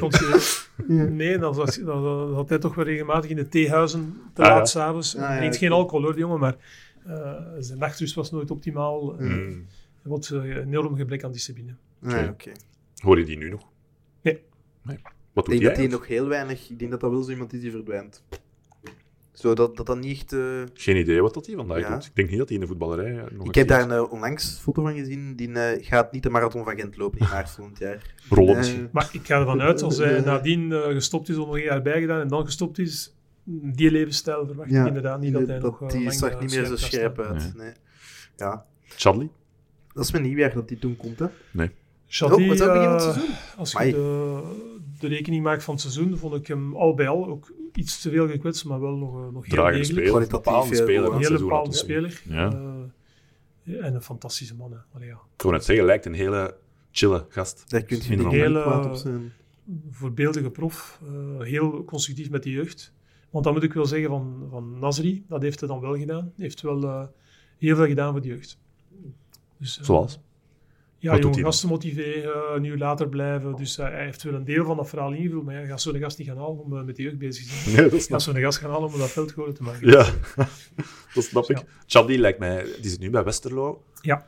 Dat is ook zo iemand die vaak op 70% van zijn, van zijn fysieke Ja. eh, apparaat kan, kan functioneren. Eh, heb je daar nu nog contact mee? Nee, of, ik kom die één keer of twee keer per jaar tegen, denk ik. En dan, eh, dan mag ik die op 50 meter staan, dan zwaaien en komt een hand geven, altijd. Maar ik heb geen eh, recurrente berichten of eh, telefonische gesprekken met hem. nee. Nee, nee, nee, oké. Ehm, mhm. jullie nog vragen specifiek over dat seizoen, jongens? Ehm, ik, ik ben nu, want ik heb eigenlijk ik heb mij niet voorbereid. Ik had mij vandaag moeten voorbereiden. Ik bereid mij nooit voor, hè. Maar dat doet er is. Maar ehm, wanneer komt Verkouter in beeld? Dat zou je moeten weten, hè. Dat is, na ons, dat is zo'n nieuwjaar toe, denk je? Was dat toen? Of iets ervoor? Voor nieuwjaar, hè? Ja, dus als Simon Davis moet vertrekken. Ja? Ehm Een gesprek met, eh, met, met Mark. Mark die zei van, heren, sorry, maar eh, zo zal het niet lopen. Eh, maar ik heb dan ook gezegd van, tegen Vincent, van, nu gaan we het wel een beetje op de klassieke manier doen. Dus eh, ik, wil, eh, ik wil dit anders zien. En eh, ik kreeg de opdracht om binnen de week een coach op die bank te hebben. Begin maar. En je had mijn Ja. nummer nog niet toen. Ik had uw nummer nog niet, dus ik heb u niet kunnen bellen. Helaas. Helaas, pindakaas. Goed dat we daarvan bespaard zijn gebleven. En dat is dan eh, ook gelukt. Ja, was dat lastig naar Company toe? Want op zich qua stijlen, qua voetbalfilosofie nee, ligt dat wel een nee. beetje Op dat punt heeft Vincent het ook aanvaard. Oké. Oké, Simon sneuvelt, we moeten een, een andere oplossing zoeken. En dat moet dringend, want ja, je hebt een coach nodig. En eh, we hebben toen, eh, enfin, ik had toen een shortlist van een aantal eh, coaches. Telefoon staat dan niet stil, hè, want dan, eh, alle agenten van de wereld hebben de beste coach voor u. Je gaat dan altijd in een overaanbod. Maar we waren toch vrij snel, hadden we twee profielen gedefinieerd. Dat was Besnik Hazi en of Frankie Verkouteren. En het is Frankie Verkouteren geworden. Oké, Hazi. Dan kon het nog slechter. Nee, ik ben, ik ben, ik ben nooit echt zware tegenstander van Frankie Verkouter geweest. Nee, Nee, ik zal zeggen breken, maar Besnik Hazi is wel een categorie. Ja, dus ik Die, daar ben ik wel maar die op zich wel blij dat we daarom Die besparen. zit ook in de- dat is blijkbaar een, een goede maat van Comp. Allee, die komen goed overeen, Vincent en Besnik. Maar dat was niet de reden. Dat was niet de reden. Nee, nee, nee, absoluut niet. Enfin, trouwens, Besnik stond op de lijst en hij was niet beschikbaar. Dus eh, Ja. En dat is eh, gewoon technisch niet mogelijk. wat jij zegt, verkouteren, kon ik wel ey, heel hard begrijpen op die moment. Zeker. En vond ik eigenlijk op zich ook voor... voor allee, Behalve dat de mensen van Wagel mij dan niet in dank hebben afgenomen. ja, Ja. Daarna nog een paar jaar met Peter Willems in, de in de bond, eh, in de raad van bestuur gezeten. Uh, was Zoals toffe gezellig. gast ook. En daar komt met Peter ondertussen heel goed overeen. Maar die waren toch wel even teleurgesteld. eh, Snap de ik. manier waarop dat, dat, dat gelopen is. En dat was ook afgesproken door Frankie en mezelf. Van we gaan niet communiceren. We gaan alles afronden. Dat bij mij thuis gebeurt op een bepaalde donderdagavond. En dan hebben we de vrijdag eh, is Frank dat eerst in OHL gaan vertellen. En dan is dat toch spijtig genoeg een uur te vroeg in de media gegaan. Hm. Dat is dikwijls het geval. En dan waren ze in OHL natuurlijk teleurgesteld dat Frankie eigenlijk niet eerst naar ging, maar dat was wel de bedoeling. Maar zwart. ze waren niet zo gelukkig met die... Met dat verloop. Nee. Ja. nee, ik heb- Hoe is het met Verkouteren nu? Eh, de laatste keer dat ik hem gezien heb, eh, ging hij met zijn vrouw naar Rusland, denk ik. Eh, een paar maanden geleden, to- toen wij naar het 2K gingen in Doha. Eh, goed, denk ik. Staat hij in jouw elftal? Hij moest zich een trainer... eh, Als speler, maar Ja, als- als, eh, dat, buitenspeler. hij, dat hij mee gewerkt heeft onder zijn... Oké, oké, oké. Ah, nee, dat hij iets te maken met echt niet... niet Ah, zo, oké. Dat mag ook. Hoe is ze... Hoe, hoe, want dat is natuurlijk een gevoelig onderwerp, Frankie Verkouten, hè. Hm, Ehm, Helaas. je hebt daar nog wel een goed contact mee. Het is niet dat die... eh, want, dat, want ik, ik vraag... Want er zijn toch bij bepaalde mensen er toch zaken gebroken met Frankie en... en Ja, dan moet aan de mensen nog aan Frankie vragen. Ik ga niet Hmm. oordelen over de gevoelens tussen verschillende personen. Een harde wereld, op een zeker moment moet je beslissingen nemen. Dat zijn de, eh, de mensen na mij geweest die beslist hebben ja. om Vincent een kans te geven. Complementariteit was er toen niet met Frankie en dan, moest, eh, ja, dan moest eh, de kogel door de kerk. Heb jij daar signalen van opgevangen dat, dat, al, dat, dat die relatie niet top liep? Of dat, dat, dat daar... eh, Ik zou zeggen dat ik eh, zoveel signalen opvang als jullie. En je leest van alles en hoort van alles, maar ik moet me er eerlijk gezegd niet graag mee. Ik vind dat een, een heel moeilijk debat. Eh, Ja. De bet- betrokkenen zullen ofwel of niet contact hebben met elkaar, maar ik ga Ja, er ja, niks ja. over uitzeggen. Wat een belachelijk goede voetballer was Verkouter. Eh, de bananenbal, hè. Schijnt. Ja, je kon shot, hè. Ja. ja. ja. Ik vind dat wel jammer hoe dat... Allee, die hele situatie, dat is twee iconen van de club, ze alle twee ontegensprekelijk zijn. Mhm. dat die dan toch botsen of dat dat dan toch stopt. Maar heel dat traject van Verkouter bij ligt na zijn spelerscarrière Ja, tuurlijk. tragisch. Hè? Ja. Hij, hij, is- hij zit man van de jeugd, is aan T2, wil eigenlijk gewoon niet liever doen dan dat. Wordt in die rol bijna gepusht als T1, wil dan een stap terugzetten. Mag niet van Roger van den Stok, min of meer. Eh, vertrekt dan uiteindelijk omdat het onhoudbaar wordt, komt dan terug en ligt dan Wordt dan een terug, paar eh, maanden ja. later terug buiten. Ja, heel die situatie is altijd een beetje eh, tragisch eh, Hmm. geweest. We zitten misschien in een, op een betere hè. Mogelijk. Mogelijk. David Stegen zei ons onlangs, het is moeilijk voor mensen die bij Anderlecht werken met een paars-wit hart om op een mooie manier de club te verlaten. Dat is altijd met een, met een zekere tragiek dat erbij komt kijken. Eh, ik weet dat jouw vader ook niet super happy was met hoe hij bij zijn afscheid, na zijn afscheid, zijn woorden min of meer, ik parafraseer een beetje, in een kamertje in het stadion werd gestoken en klaar. Goh, eh, dat is een eh, zeer moeilijke vraag. En dat meen ik. Hm.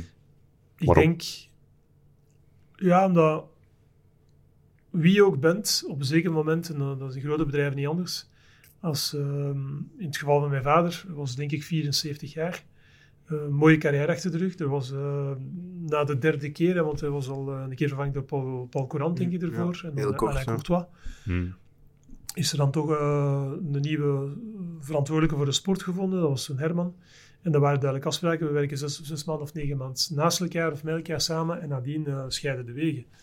Nu, men had waarschijnlijk, of mijn vader had waarschijnlijk verwacht van ah, die, die scheiding die zal die niet zo vast zijn. En eh, Herman zou me nog veel nodig hebben. Maar bon, dus op dat moment heeft Herman gezegd, ik ga mijn carrière nu maken.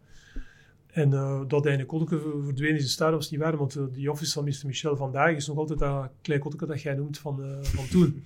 Dus dat was een degelijk kantoor, waar mijn vader dan beslist heeft van oké, dan ga ik mij meer bezighouden met Saint-Guidon. En dat is dan uiteindelijk ook meer dan tien jaar een succesverhaal geweest. Dus dat is een klein... voor mij is dat een, storm in een glas water, want Hm. er is relatief weinig tussen de persoon in kwestie daarover verteld geweest. En er is ook niet veel in de media gerold naar elkaar toe. En karakters kunnen ofwel komt overeen ofwel komt niet overeen. En ik denk dat Herman en mijn vader niet de beste vrienden waren. En dat zullen ze ook nooit niet zijn of niet meer zijn, dat kan nu niet meer. Ja. Maar eh, voilà. Ehm, ik had een andere vraag, maar dat vind ik interessanter. Ehm, gaat het dan ook om de zaken die achteraf gebeurd zijn, dat uw pa het wist wat er gebeurde? Wat wist hij? Nee, hè, Ja, uiteindelijk, wat- ik, ik was toen in de raad van bestuur, voor alle Mhm. duidelijkheid. En ehm, er is een bepaalde manier waarop dat de raad van bestuur wordt geïnformeerd. Dat gaat meestal over eh, budgetten, soms een keer over details, maar eh, het pure uitwerken van de praktische zaken. En uiteindelijk is een agent een commissie moet ontvangen. eh, hoe wordt dat contract opgesteld? Mhm. Dat zijn zaken die niet in de raad van bestuur worden, worden beslist, nog, nog goedgekeurd. Dus dat punt Maar- wist maar- mijn vader al zeker niks, want die was er niet meer op bij. zich, Michael, allee, ik weet dat dat een gevo- allee, misschien gevoelig ligt. Maar ja, bon, heel het stadion wist toen wat er... Allee, de mensen die hun eigen naam kunnen schrijven, wisten toen wat er gebeurde. Hè. Allee, ik als supporter wist ook dat er zaken gebeurden die kosher waren. Hè. Op het veld. En allee, spelers die daar Het, kwamen. En, het werd ook maar moeite weggestoken. voilà, dus, en dat... Allee, Maar wat, wat, wat, mij vooral vreemd is, ehm, ik was toen nog auditor in die periode, dus dat misschien is beroepsmisvorming. Het, het gebrek aan corporate governance dat het mogelijk maakt dat een Bayat eigenlijk kan doen wat hij doet, dat andere mensen kunnen doen wat ze willen, dat die transfer van Tielemans. Dat is daar eens, hoe kan daar door niemand eh, echt genoeg eh, controle geweest zijn? Hoe, kan iemand, hoe kunnen een paar mensen dat toen Het- vrij spel krijgen. opzetten wat er opgezet is in die periode? Ik denk dat dat niet zo transparant op is als dat we denken. Mhm. Eh, dat lijkt misschien wel zo, maar is niet het geval. En op een zeker moment, Anderlecht heeft jaren op een wolk geleefd. Hè. We Mhm. waren de beste Mhm. club van België. En al die jaren dat het goed ging, werd er nooit een vraag gesteld over eh, is dat een goede transfer, een slechte transfer, is dat te veel of te weinig voor betaald. En ook in de periode dat dan Herman gekomen is en dan Roger, jaren, een aantal jaar daarvoor, uh, constant opgevolgd, hebben we alleen maar successen gekend. En eh, dat was onder een leiderschap waar Roger echt zei van ik, ik ben de, de president, ik wil dat jullie mij volgen als ik dat beslis. En eh, je mag natuurlijk spre je mag spreken en je mag kritiek geven, dat is Mhm. geen probleem. Maar eh, voilà, ik, ik sta er redelijk kort bij en eh, we pakken die richting. En dat is altijd de goede trouw in die richting geëvalueerd. En natuurlijk op het moment dat dan wat minder goed begint te gaan en dat je begint te voelen van oei oei, de kwaliteit van het voetbal gaat achteruit, eh, je speelt een jaar, Ja. twee jaar niet meer kampioen, is het nadien makkelijk om te zeggen, ah ja, maar nu dat alles aan de oppervlakte komt, dus dat moesten ze toch geweten hebben. Maar dat, dat hele governance model zat toen totaal niet zo in elkaar. Dat was een model van vertrouwen. Maar, en dat is een vraag die ik ook van een luisteraar had gekregen. Ehm, als je daar achteraf... Allee, ik, ik weet niet wat uw rol toen al was. weet je dat toen al in de raad van bestuur? Wat, wat ik me dan afvraag... Die boot die toen gemist is, wat effectief een hele grote boot was, om financieel voorsprong te pakken en om echt uitgesproken de club van België te worden. Ehm, hoe, hoe, hoe leeft dat in een raad van bestuur? Zijn dan mensen die dat daar als supporters bijna zeggen van... Allee, want voor ons als, allee, als supporter die dat iets beter volgt, dat is ook een van de pijnlijkste momenten uit, uit mijn supporterscarrière, want we hadden nu eigenlijk het Bayern München van België kunnen zijn, want dat is iets dat veel... Ja, maar dat is, dat is iets Die belachelijk. uitspraak. Ja, maar dat is een belachelijke uitspraak, Dries, maar je kunt er weer lachen zoals het is. Nee, nee, maar dat, Ik kon ik, wel- ik, ik begrijp uw frustratie. Eh, alleen is zo, een, ik kan u een aantal clubs geven die heel snel van de piedestal vallen. Kijk maar eens naar Ajax. Ik kan u Mhm. clubs noemen die lang van eh, het toneel verdwenen zijn. En AC Milan, als je kijkt hoeveel Ja, die nodig ja. hadden om terug te komen. Ik denk dat de raad van bestuur, en ook deze raad van bestuur, niet meer kan doen dan op een hele eh, consequente manier naar het plan kijken, naar het budget kijken en zeggen, oké, eh, dit leidt ons billig, we, we gaan hiervoor gaan. Uiteindelijk is dan nadien de uitvoering is altijd iets dat door het management wordt ingevuld. En ik kan die mensen echt niks verwijten. En ik, ik verwijt nu niet mezelf als lid van de raad van bestuur, Mhm. ik was zelf ook in het management. Je kunt die mensen niet verwijten als je een plan brengt waar dat je dat verdedigt tegen, tegen, allee, tegen alle middelen dat je maar hebt, eh, investeringen belooft en dat je denkt dat je daar gaat eindigen. Dat is het verschil tussen onderneming en voetbal. En dat is natuurlijk gemakkelijk om te zeggen, ja, we hebben daar drie jaar eh, de, de bal misgeslagen en daardoor zit de club vandaag in de problemen. Klopt. De club is vandaag ook uit de alleen problemen. daarom, maar bon, het is een, het is een groot... Allee, Het heeft ermee te maken. Evenementen, allee, dat dat...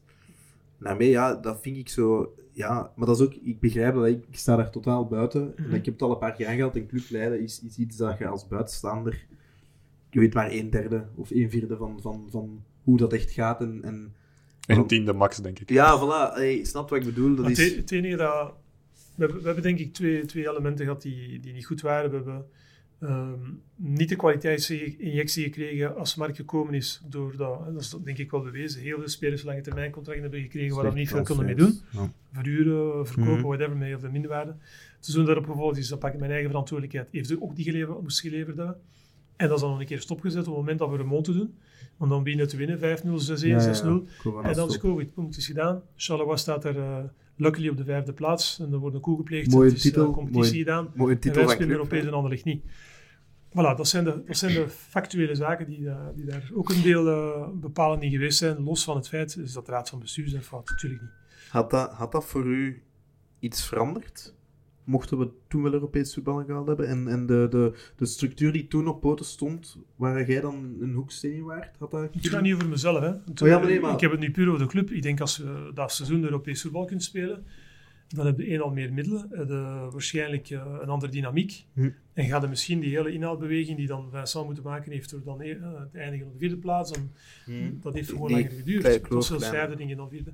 Dus dat had misschien allemaal een jaar sneller kunnen gaan. En vandaag waren we misschien al terug eh, bij die gegarandeerde top 4, wat we nog altijd niet, niet bewezen hebben. Over daarnet die eh, lange contracten. ehm, dat verschilt een beetje van club tot club. Eh, welke raad van bestuur wat doet. Eh, nu doen we eigenlijk hetzelfde als toen. Ehm, bijna iedereen die nu gekomen is deze zomer heeft een contract van vier jaar of vijf jaar. Ehm, ik snap ergens de logica daarvan, want je wilt niet elke jaar opnieuw beginnen puzzelen, maar je loopt eigenlijk wel terug exact hetzelfde risico als vorige keer. Is dan, de Ik raad van dat, bestuur, eh, is de raad van bestuur die die strategie mee uittekent, of is dat echt puur sportieve leiding De raad van bestuur die geeft zijn afval op een plan. Mhm. En dat plan, dat zijn cijfers. Mhm. En eh, daar wordt ook een sportieve strategie aan verankerd, maar daar, daar staan geen namen op, er staan geen invullingen op van spelers. Hetzelfde met commerciële. Commercieel, de CEO, Kenneth, die brengt je plan. En op die basis krijgt hij een afval of geen afval. En that's it. En dan is het aan de manager om dat verder uit te werken. Wat ook normaal is. In elk bedrijf is dat hetzelfde. Hoor. Ja. Dat is hier geen rocket science. Wat ik... Dat is waar. Je je leek een beetje te alluderen dat dat seizoen Charleroi een soort coup gepleegd heeft op die vijfde plek. Of dat er achter kamerpolitiek heeft plaatsgevonden. Niet alleen Charleroi, denk ik. Hè? Dat is, eh, Onder andere Dat is ook een heel gevoelige item. Hè. En, eh, ik kom redelijk overeen met, eh met Medi, Hmm. Bayat, dus ik ga die man niks verwijten.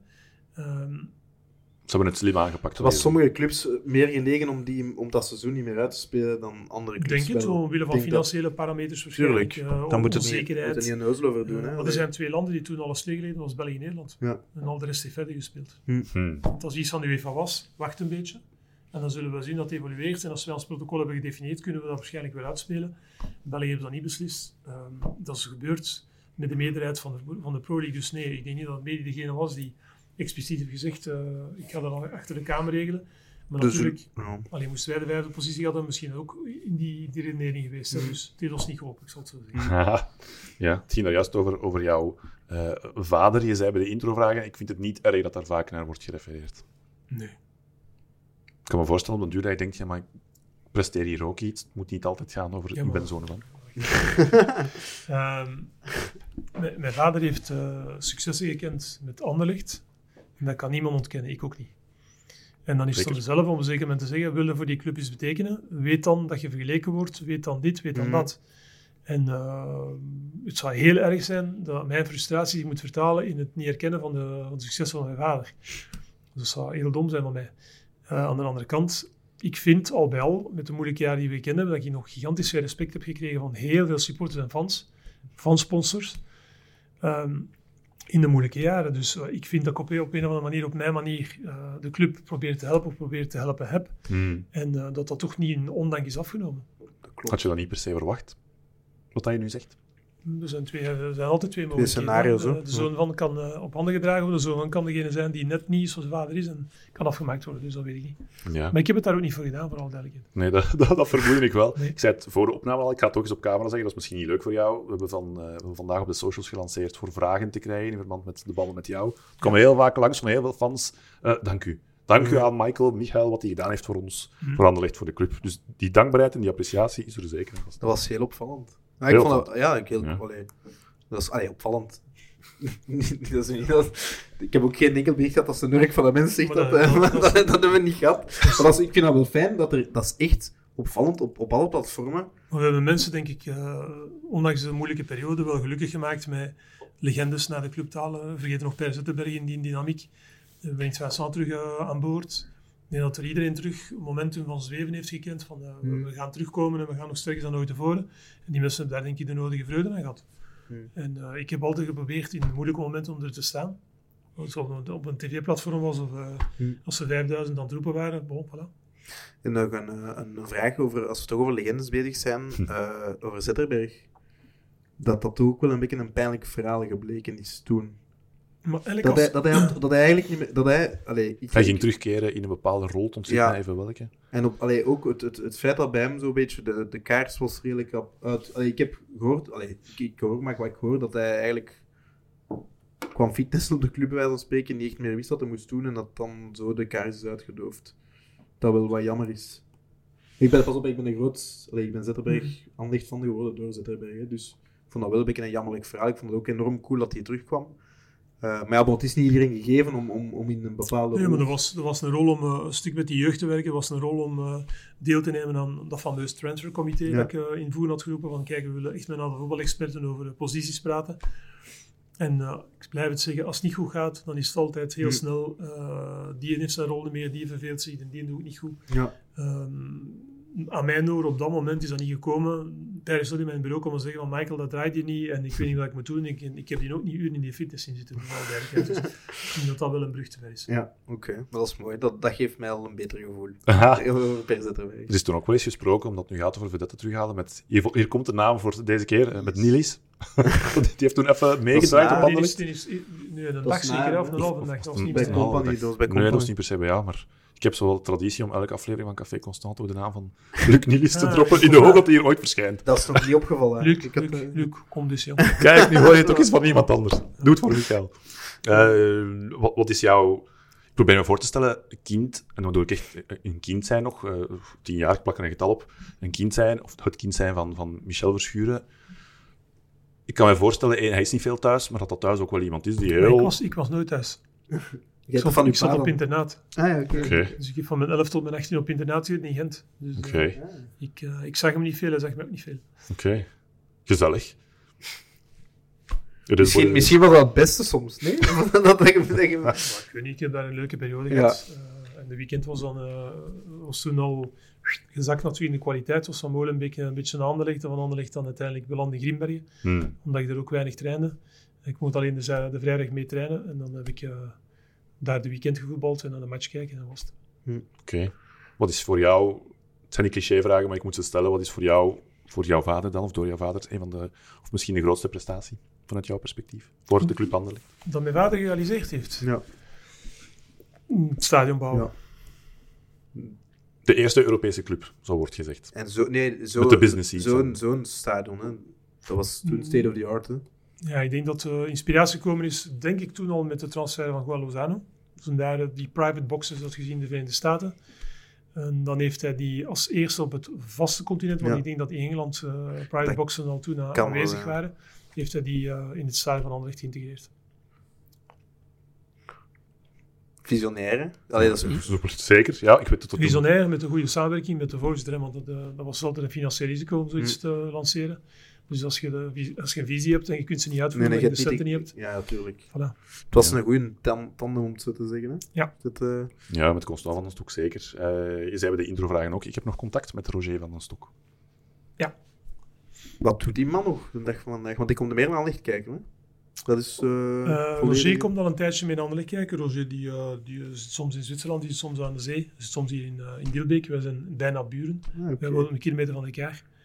En eh, Nodigt hem eens uit voor Café Constant. Ha, dat gaat hem niet doen, denk ik. We gaan, daar, we gaan daar wel langs bij Roger. Praat hij nog over Anderlecht of zal het te gevoelig liggen? Voor hem? mm, hij, hij kan moeilijk praten momenteel, hij heeft wat problemen met zijn stem. Oké. En ehm, maar ik denk dat hij wel vroeg of laat een keer eh, zijn, zijn memoires zal, eh, zal vertellen of gaat, gaat communiceren. Eh, ik kan er weinig over zeggen. Oké. Heb je Café Michel eigenlijk gehoord? Nu Dat wij, dat wij Nee, hebben... dat heb ik niet gehoord, dat zal wel spectaculair geweest zijn waarschijnlijk. Ja, dat is wel een mooie... Dat is onze ode aan... aan Ja, veel oud-spelers Ja. die onder Michel zijn gekocht, die ook iets hadden ingestuurd. Een boodschap over op dat moment met Weilen, eh, Michel Verschuren. Eh, die dat toch gaat over eh, Van den Stok. Die zijn naam hoor je af en toe links of rechts wel eens opduiken via via mensen in het wereldje. Van Holsbeek is een soort paria geworden. Daar wordt niet meer over gesproken. Mhm. Heb jij, je moet daar niet per se in detail op gaan, maar heb je nog contact mee? Want ik vraag me soms wel af. No hate, hoe is het met die man? Met Herman van Osbeek. Ja, die heeft toch wel kletsen gekregen. Die is meer in Spanje dan in België, dat weet ik. Eh, ik heb daar Dat was vroeger ook al, hè? dat was vroeger- ook al, hè? Vooral tijdens de Mercato's, hè. Vooral tijdens de transferperiodes. Maar bij ja, Ik heb daar, eh, nee, ik heb daar eigenlijk eh, om zeggen geen contact mee. Eh, de laatste keer dat ik die eh, gesproken heb, heb ik die niet tegengekomen in Spanje. Maar nee, daar heb ik geen contact mee. nee. Oké. Ook niet bewust niet of wel. Hè. Bedoel, die man morgen zie, ga ik die een hand geven en hij gaat waarschijnlijk vijf minuten voetbal babbelen. Hmm. Maar eh, als, eh, als hij hier niet is en ik ben hier wel of ik ben hier op een andere plaats, eh, we hebben geen contact. Nee, oké. Ik vraag me soms wel af, wat is er met die mens gebeurd? Ja, Maar ja, no one knows. Wat is er met? Wat is er met eh, Van Holsbeek gebeurd? Vraag Ja. me dat wel eens af. ik denk dat Dat dat zal eh, voor hem niet gemakkelijk zijn, denk ik. Nee, dat, dat zal zo zijn. Een understatement. Eh we hadden jou gevraagd naar jouw favoriete elftal. Het staat er mooi op papier. Ik heb het al zien Ik liggen. heb een heb dus elftal en een schaduwelftal. Oké. Ik heb al een paar speciale namen gezien van, van hier dat ik dacht van... tja, Dat je eh, blij gaat zijn met de keeper. Ja? Moet ik beginnen met de keeper? Graag. Silvio Proto. Oké. Why? Voor mij een, een allee, schaduw Verbrugge, maar ik heb Verbrugge te weinig aan het werk gezien. Mhm. Eh, fantastisch half seizoen gespeeld. Hmm. Nu weg, dus daar kunnen we moeilijk over oordelen. Ik vind Proto eh, fantastische keeper, goede mentaliteit, winnersmentaliteit. Heeft jaren de ploeg gedragen, veel kampioen gespeeld, dus ik vond dat een klasbak. Ik snap niet dat jij zegt dat ik daar niet zou tegen kunnen. Nee, nee, ik denk niet dat jij Proto in je basisploeg Maar als, ja, als je kijkt, als je aan mij vraagt van sinds dat ik supporter ben en je pakt dan een keeper, ja, Verbrugge is nu, was voor mij part niveau, allee, Courtois ga ik nu niet zeggen, maar dat was wel even indrukwekkend als Courtois in België. Dus dat zou voor mij een logisch ik eerst keep, maar ik snap qua, qua prijzen, qua legacy, qua, ja, ik denk dat, Pro- eh, waarom Proto bij mij een, een, een nega- een negatieve, dat is ook zo fout, maar hij was gewoon met zijn voeten niet Mhm. super. En ik denk misschien Europees net Oh. Die heeft Europees net heel vaak punten gepakt. Ja, die, Ja, in, in, maar- de, in de schietkram was hem op zijn best altijd. Ja, dat is waar. Ja, ik, ik, ik weet, ja. Limas, ja. Limassol, plaats voor de Champions League, doe je Ja. mee dankzij Proto. Dat was toen niet Ik bepaald. val Dat is zijn, zijn... En het uittrappen, hè. Hmm. Ik denk, ik denk, ik, keeper als Proto in deze tijd... Nee, daar ben ik akkoord mee. Misschien zal hem nu te, te beperkt zijn in Voetballen, de hè? moderne Ja. voetballen. Ook wel uitkomen, ook, op, ook op hoge ballen was, was Maar op zijn lijn was het gewoon een, Ja, een goede reflectie. Alleen, een, allee, Een kat. zeker de jaren Ja. daarvoor eh, hebben we veel mindere keepers gehad. En na de Willen is er eigenlijk niks Ja. noemenswaardig meer gepasseerd. Schaduwkeeper, Michael. Dat was Verbrugge. Was dat Verbrugge? Kijk. Scherm eh, blijven de wingback. Ja. eh, ik denk Ja. dat je moderne winback van Welk vandaag. maar systeem toen al- zou je spelen? Eh, ik zou spelen met opkomende wings, dus eh, met, met backs die opkomen. En ik zou spelen met eh, vier in het middenveld en twee van voor. Oké. De backs, vertel. Eh als John Pong. Kijk eens aan. Mooi. ik zie die op rechts staan hier. Ja, Of dat maakt niet zo... Ik heb eh, niet naar positie gekeken. Nee, Oké, nee. oké. Andere flank. Ik de Olivier de Schacht. En dat is dan iemand die niet opkwam, maar op het einde kwam die ook wel regelmatig op. Mhm. Ik, Olivier de Schacht vind ik gewoon eh, een waanzinnige carrière. Het is ook een vriend, ze gaan zeggen het is zijn vriend, maar ik vond dat gewoon ongelooflijk wat die man gepresteerd heeft. Mhm. Dat is, eh, Die stond ook altijd met scherp. Ik heb die nooit met een half scherp, te die was gezien. eh, technisch niet de me- meest begaafde speler, maar die het onvoorstelbaar neerzet. Maar fysiek ijzersterk. En eh, dat ging er niet, niet zomaar voorbij. En iedereen zei elk seizoen, ja, ze gaan een betere kopen, ze gaan hem vervangen. Het is nooit iemand die gewoon uit de ploeg speelde. Nooit. was daar ook niet een tikkeltje politiek bij gemoeid? Dat stond een rol bij zeggen. fans. hè. Ja. Ja, nee, maar dat is een, ik gewoon stel een vraag. Allee, wat, wat, wat, wat je nu zegt, allee, wat, wat er gezegd is over de schacht, en dat geloof ik wel echt dat dat nu wel een prof was en dat hij Ja, er maar- wel Ja, dat is sowieso. fucking klaar voor was elk Ja. jaar. Allee, sorry, dat, allee, dat eh, moet je hem geven. Er, allee, je speelt niet zomaar 15 jaar bij Anderlecht. Voilà. Dat is niet iedereen gegeven. Hè. Dus, eh, Nee, ik ben, eh, de schacht had er zoveel over gezegd. Uh, Achim Pong vind ik eh, een, een, een, een een boeiendere keuze. Waarom Achim Pong? Snelheid en techniek. Mhm. Ik vond die onvoorstelbaar knap. Alleen techniek. Met momenten shotten zij de bal gewoon vooruit, begint 20 meter achter de tegenstander en hij ligt toch 10 meter die vooruit. heeft- Met, met, En vandaag Europees op een doet hij nog mee. hè. Is zo fantastisch snel. Uh, en, ook, en, ook, en ook onderschat bij hem, want het is ook wel gewoon een prof, die zijn conditie was ook gewoon uitstekend. Hè? Ja. Ik nog de, die, die, allee, die blessuretijd eh, tegen Manchester, maar in de, de allerlaatste Ja, minuut van de ja. blessuretijd Ja, ja, ja, bijna die goal maakt. Niemand, niemand raakt daar. Dan krijgt die jongen heel veel haat altijd, omdat hij die kans mist. Maar ja, niemand anders raakt bij die bal. Ehm, vandaag in de kern missen wij gewoon een profiel. Waar je nu, ja, we komen straks nog bij Amuzu en, en, en Brugge, denk ik nu. Maar ik denk iemand met Gaan Pong, de snelheid en de gewoon van.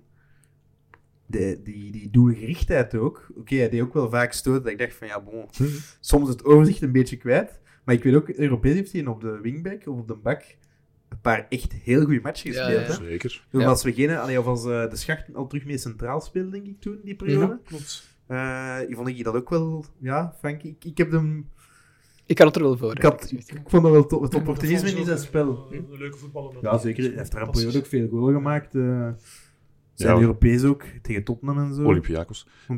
Wie staat er centraal bij jou? Eh, een Bemba, Chancel. Oh, Oké. ja, snap ik. Beest van de speler. Hm. Doet nu nog steeds mee bij, bij eh, Ja. Marseille. Ja. Ken jij de leeftijd van Chancel? de roddel van toen. Niemand denk Nee, maar ik moet wel zeggen, eh, eh, als, als de roles van toen waar zijn, is die mens ondertussen op zijn 55ste nog altijd een, een geweldige speler. Dus, eh, Ja, die was in Europees ook in de Champions League zo indrukwekkend. Ja, die was Tegen fantastisch. Fuck. Ja. Wie staat ernaast? Eh, dat gaat u misschien verwonderen, Spijtje. En geen Vincent Company. Ehm Ehm ik geef het Blessure. ja, natuurlijk wel. Maar, nee, nee, Maar- nee, nee, nee, daar niet van. Maar Vincent heeft uiteindelijk maar uh, alleen met moeite uh, 15 wedstrijden gespeeld. Hij was heel jong als hij bij ons vertrokken is. Natuurlijk, Vincent in zijn topperiode moet hem altijd in die ploeg staan. Ik Ja. dacht eerder van die jongens die oké. jaren op de Fair, fair enough, fair enough. En, En dan- uh, want Vincent staat buiten de kerf, natuurlijk bij die groep. Hm. Maar ik heb er wel genomen die een aantal jaren echt bijgedragen hebben tot titels en dergelijke meer. En die niet zo piepjong waren. Dus, Oké. eh, als, als je dan toch voor een zuivere mandekker gaat, want dat was echt een, een geweldige, maar wel een zuivere mandekker. eh, waarom geen Juwas bijvoorbeeld, die er langer gezeten heeft? En, eh, persoonlijke keuze. Oké. Dus. En, is, en Tine? Nee. Nee?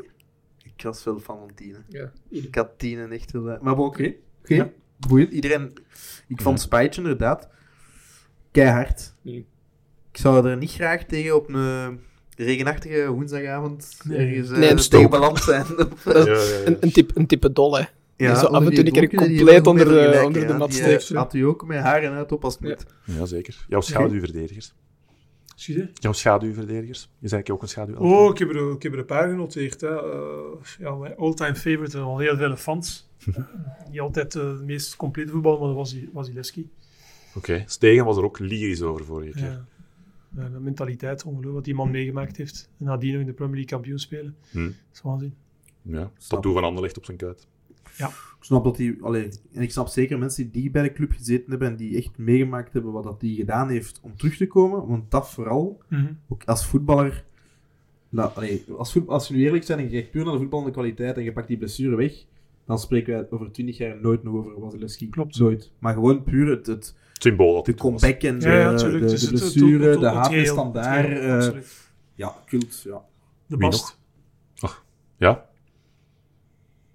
Een ongelooflijke fan van de Bast. En ik denk ook als hij eh, zijn talent verder kan ontwikkelen, dat je binnen een paar jaar verschiet hoe kwaliteitsvol het jongen is. Ik wel achter. Ja. Oh, Verschieten gaan we niet doen, denk ik. Want eh, iedereen aan tafel, ik kijk nu misschien twijfelachtig naartoe, maar iedereen Ja. aan tafel is hier dat moet Ik wil helemaal zeggen, ehm Spileers van Brugge dit weekend gezien, door net boven hoor. Eh, nee, dat is niet waar. Eh, volgende, volgende stap. Eh, stilte. We zijn nogthans Yo, water, water aan het drinken. eh. Wie was jouw reserve Eh, rechtsback? Nee, hebben we al gehad. Hij, heeft, hij speelt eigenlijk... Ah, Speel je met twee linkspoten ja. op de backs? Dat mag toch? Jij, jij, hebt, jij hebt bepaalde tactiek, ook crazy. Nee, ik heb eh, niet, niet bij de links onder rechts stilgestaan, eerlijk gezegd. Oké, fair enough. Middenveld. Ehm, middenveld. eh Juri Passeer je. Tielemans. Ja. Biglia, Uiteraard. uiteraard. Ik heb er nog twee staan, dat is eh Lokonga en Jari Verscharen. Dat is schaduw dan. Die twee, ja. Ja. Oké. Top. En de flanken? Jeremy, Jeremy Doku Oké. Hmm. en eh Gomez. Een rijtje hoger. Ja. Er werd toen ook geopperd, hè, onder waarom zetten we die niet in het begin? Mhm. Zetten we die geen rij hoger? Dat was toen ook de discussie, hè. Allee, dat, dat er, eh, omdat die dan bij de belofte van Spanje altijd op rechts, rechtsmidden spelen of op linksmidden. En wij toen nog wel moeite hadden om eh, iets te creëren. Wel goede speler, hè. Van voor? Moet je van voor horen?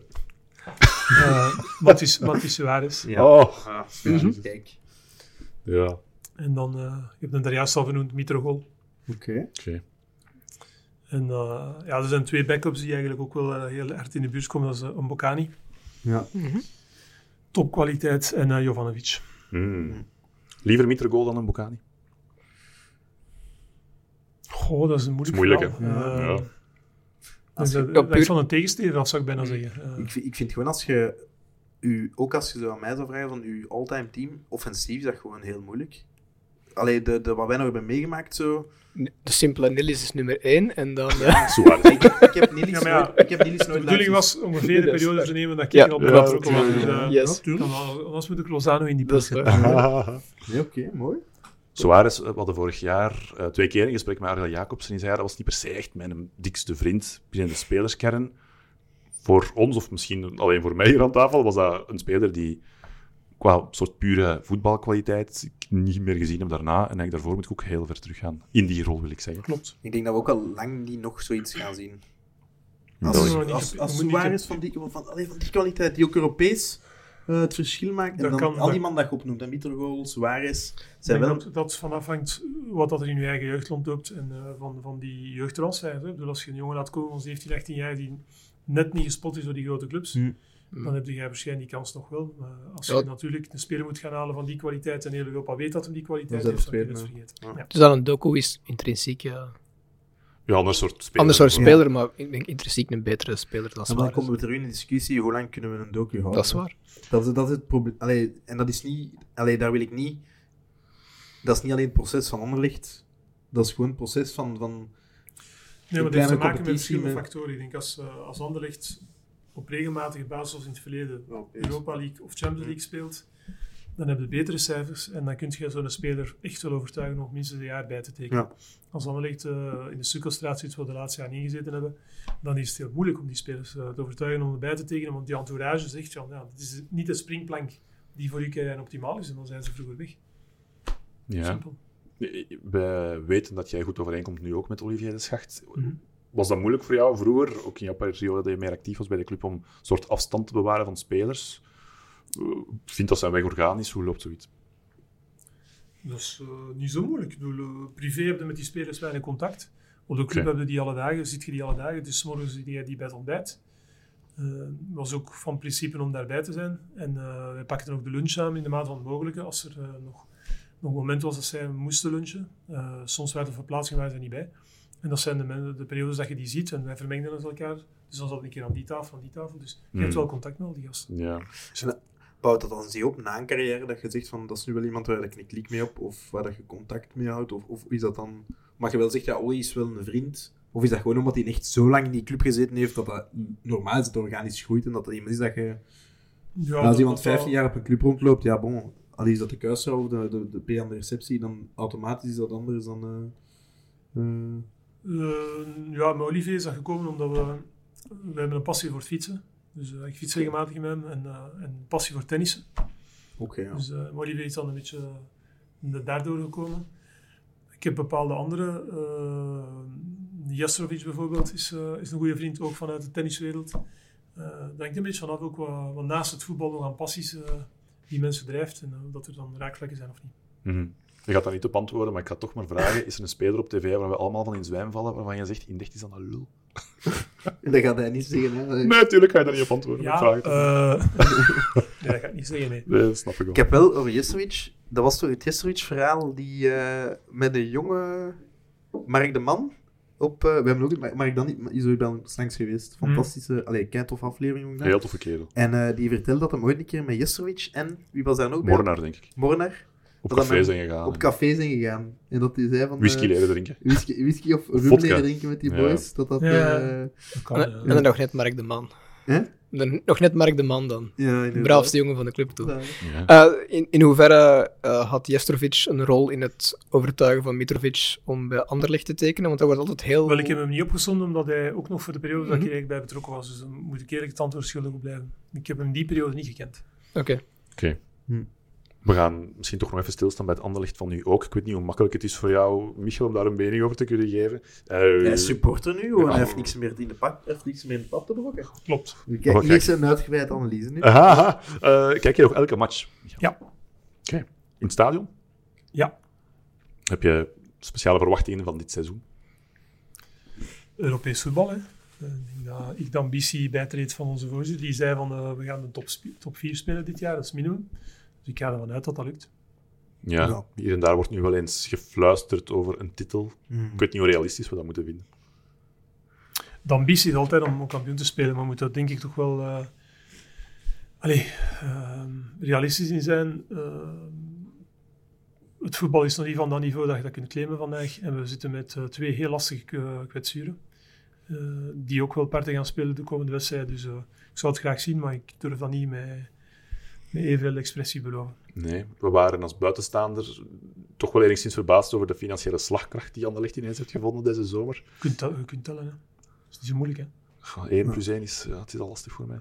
Is dat, is dat, uh, soms leeft de perceptie bij sommige delen van de fans dat er sort of all-in gegaan is door het bestuur deze zomer. Nee, maar ik denk dat de eigenaars, uh, Mark en, en, en, en, de vennootschap van Wouter, uh, een bijlage hebben geleverd. Dat is heel belangrijk. Uh, en we hebben een aantal heel goede uitgaande transfers gedaan, waaronder Bart Verbrugge. Doku is Waar uh, inderdaad uh, de transfer van Doku nog onverwacht veel geld heeft gebracht. En dan zijn er een aantal andere voor mindere bedragen geweest waar, maar en er veel weggegaan ook. Hè. Hmm. Van Marien hebben ze nog geld gekregen, ze hebben een aantal spelers geld gekregen. En daar hebben ze denk ik verstandig geïnvesteerd. Maar ik ga geen bedragen noemen, want nee, nee, verwachten we ook niet. Uh, dat mag ik ook niet. Ja. Nee. Fans moeten zich geen zorgen maken. Um, dat denk ik niet, nee. Ja, okay. Nee, maar dat, allee, ik denk ook dat het de bloedrode cijfers wat maanden en in de media geopperd werd, dat dat ook met een...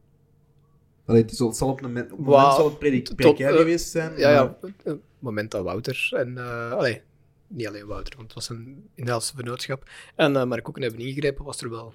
Was toch wel, ik ga niet zeggen dringend dringend, maar het was toch niet ondringend, hè, de, de kapitaalsverhoging. Die kapitaalsverhoging die, uh, die toen heeft plaatsgevonden was nodig, absoluut. Ja. Ja. Ja. Dus ja, de, de bloedrouwcijfers waren er wel, maar die had dan nu wel redelijk, redelijk stabiel. blijft dat dan doortrekken en blijft dan nu nog altijd opperen, terwijl er inderdaad deze zomer is er gewoon veel geld binnengekomen. We moeten daar niet een neuzel over doen. En, uh, mm -hmm. Maar vorig seizoen was het natuurlijk niet zo goed. Hè?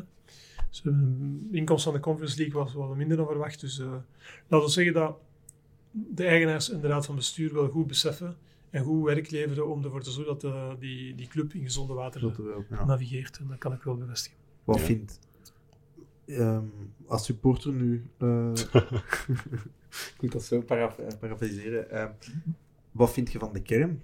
zijn we... Is, is, eh, ik, allee, ik ga u laten praten. Wat vind je van de kern? Of die- zijn we, zijn we, zouden we, als alles meevalt en als iedereen fit blijft, zou die kern, zijn we capabel om mee te spelen voor de titel? Met Dat denk ik wel. Eh, als je de spelers in- individueel gaat bekijken en kijken welke prestaties in het verleden hebben geleverd, dan denk je dat wij, als we daar een geheel kunnen van maken, een goede ploeg hebben. Ehm, gaat dat lukken? Het zal van de kwetsuren afhangen. Als jullie net zelf zeiden, een paar oudere spelers bij. Hopelijk gaan ze die niet kwetsen. Hmm. Het zal wat afhangen van, van eh, geluk. Dat hebben we denk ik in het begin van de competitie nu wel gehad voor de eerste keer. Want hetzelfde geldt ook vier Zwaar, punten ja. minder en staat in de middenmoot. Dus eh, voorlopig zit het wel een, be- een beetje mee voor ons. En ik kijk vooral uit naar de komende wedstrijden. Als eh, op bepaalde spelmakende eh figuren... klikt of zo. Ja, door, Hm. door rode kaarten of door kwetsuur niet zullen meedoen. Oké. Ja, de, misschien puur sportief. Ineens was er een contractverlenging voor Brian Riemer. Ik viel een beetje uit de lucht. Ja, ik vind dat, allee, ik vind dat een, allee, een, een beetje een raar moment. Allee, oké, het puntengebied was er, maar ehm, Ja, maar vooral eh, was het nodig. Ja. Zat, zat er iemand te azen op Brian Riemer? Dat, dat, is, dat is onze eh, eh, insteek dan. ehm. ik weet, het, het gaat dan Ik waarschijnlijk... snap dat, dat jullie dat willen weten, waarom doen ze dat nu? Eh, ik ga er altijd van uit als dat wordt gedaan en door mensen die uiteindelijk dan toch eh, eh, heel veel lof hebben gekregen voor eh, de transferwindow, op die manier hebben afgesloten, dan ga ik ervan uit dat die mensen weten wat ze aan het doen zijn. Meer heb ik daar niet aan toe te voegen, denk ik. Eh, je bent supporter nu, Michael. Ja, ik ben supporter. Ik denk, wat wat de club niet nodig heeft, is eh, instabiliteit op dat vlak. daar ben ik het akkoord. En dat je vlak- kunt niet beter een signaal afleveren door te zeggen, deze trainer is voor de, voor de lange termijn. Hm. Met de consequenties nadien, als het niet lukt. Hè. Vooral duidelijkheid, als, als we tien keer gaan verliezen, weten we allemaal het lot van welke trainer toe mogen zijn. Hmm. En, en die beslissing is daar in eer en geweten genomen door de mensen die die beslissing kunnen nemen. En ik ga ervan uit dat dat de juiste is. Ja. Afgelopen weekend was de match op Brugge. Ja. Thuis tegen Brugge, moet ik Thuis, zeggen. Eh, 1-1. Mhm. Moeilijke wedstrijd. Niet- ik ken niet- weg mijn woorden. Niet beklijvend, zullen we ze Nee. noemen, ja. Ja. Ik heb vooral, allee, omdat we dan toch bij Brian Riemer zitten, eh, ik had naar Ries ook gestuurd, ik heb toch vooral tactisch wat be- allee, vragen bij wat, wat, wat eigenlijk het idee is. En of dat we eigenlijk flexibel genoeg zijn om, om dat aan te passen. Want in mijn ogen spelen we nog juist hetzelfde systeem als met Slimani, of proberen we dat te doen. Lange ballen, hij dat een bal bijhield. En dan een tweede bal, waar dan vorig jaar Verscharen heel goed rond Slimani Aansluiten. kon aansluiten, de bal bijhouden. Maar ja, Bon Dolberg is een totaal ander type spits. Die, die lange ballen, die worden... Ja, wij verliezen elke bal eigenlijk. Komen nauwelijks er voetballend uit. En de tweede optie is dan altijd Amuzu. Maar je zag eh, zondag ook...